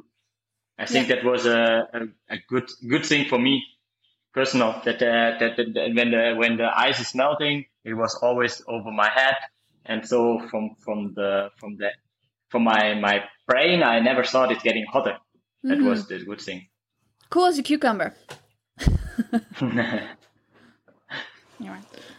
I've got a question from uh, Denise van der Spoel, uh, one of our listeners, and she um, she uh, was watching your interview after the race, and you mentioned that you did not run more than 30 kilometers uh, in training, which not many marathons do, I guess. Uh, what gave you the confidence uh, that those last 12 Ks uh, would go well? Yeah, it's like it's a little bit different. It's it's we not uh, run longer than like twelve, uh, like thirty kilometers in a in a row. But like when I run this thirty k, I I trained the day before also very hard, uh, like like a workout. So and and also the thirty k is never like an easy thirty k. It's never like four minutes pace, three fifty pace. It's Mhm. it's like always progressive, and it ends with a marathon pace the last five k. But uh, if if I like the day before, it could be also like it could be more k, like like a 32k, but it's not in a row. When you warm up 4k and cool down 4k, then it's only 24k in a row. Mhm. I, I I count it because yeah, you you stretching, you have a gap from 30 minutes after warm up, for example. But if, for example, if you do like six times 3K with 1K easy, uh, very hard. And the next day you're going 30K, you're feeling like you already have 20K in the legs And when you started. So, but you're not that uh, exhausted. You're not that tired. Uh, after the 30k and the next day we can do also like a 16k in in 340 and it's feeling not really bad. And it was the problem like i would say like the year before but it was not a problem. It was a, a different marathon training. Uh, there i did a lot of 35ks uh, sometimes uh, like 35 and, and, warm up and cool down and it was 40 uh, but then the next day it, i almost can't run. Yeah. and i think that that's the, the problem. If you see us after the marathon, uh, you like almost injured. Yeah. And then, then, then you have to decide what, what do you want? Uh, like, of course, mentally, uh, but it makes me more like, yeah, more, more like easy. You, you stand in the start line and you, of course, you can't say 100% sure you come to the finish, but I think you can also say that to the other competitors. They are on the start line and it's 42k. You're not uh, competing against these guys. You're competing against your body. That's always like a different thing in, in, in track. In track, you have to react tactically what you, your components do. And in marathon, it's like a fight against you and your body. And of course, at the end, it was against the, the, the competitors. Uh, but, but till like, like I don't know, like 37k, it was just uh, me and my body and mm. nothing else. It's interesting that you've found for yourself what works uh, in training. Um, is are you self coached or are you? Do you have a coach? Mm. No, no, I have a coach. Uh, Tim Morio is it from Belgium? Oh, so okay. I joined yeah. the joined the group after Olympics. Uh, but the, the main reason was, yeah, it Mhm. was uh, the main reason was the group because uh, I trained all alone also when I was in trainings camp and yeah, you have to follow your, your training uh, schedule. Every coach have, yeah, this memory, what Yeah, was the best for you. And then, yeah, you have, we are a strong group. Like with Isaac Kimeli, he was 10th in the world with 10,000 meter. And we had Mhm. also some runners who run 211 or 210. And yeah, 5,000 meter runners like 1320 and 13, yeah, 1304 also like Isaac. Uh, but Hugo Hay was also at the, uh, at the 5K, but he, he fall unfortunately. And yeah, and Mhm. now we have also guys at the 10,000 meters. So the motivation in the group is, is yeah, it's, it's really, really good. As we train together, we cook together, we eat together. Uh, like that, that, Yeah, that's that's really nice. nice. And that was all alone before. Yeah. Okay, I have one more question. so uh, you used to be more like a 10k runner and 5ks, and um, you've obviously had like I mean this was in your home country this championship, but you've also had in 2018 Berlin, which was also in your home country. Um, but there you didn't finish in a 10k.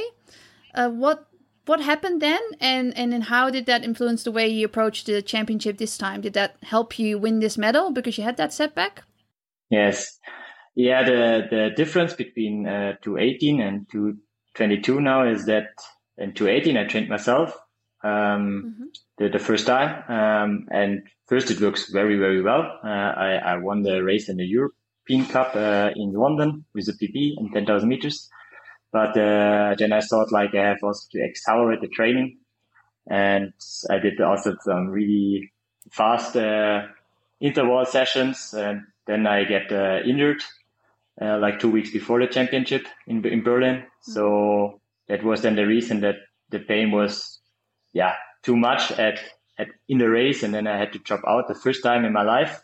And and Yeah. it I counted every race. It was my 407 uh, race in, in my life in 2018, and that was the first time I did not finish. Uh, it was really special for me.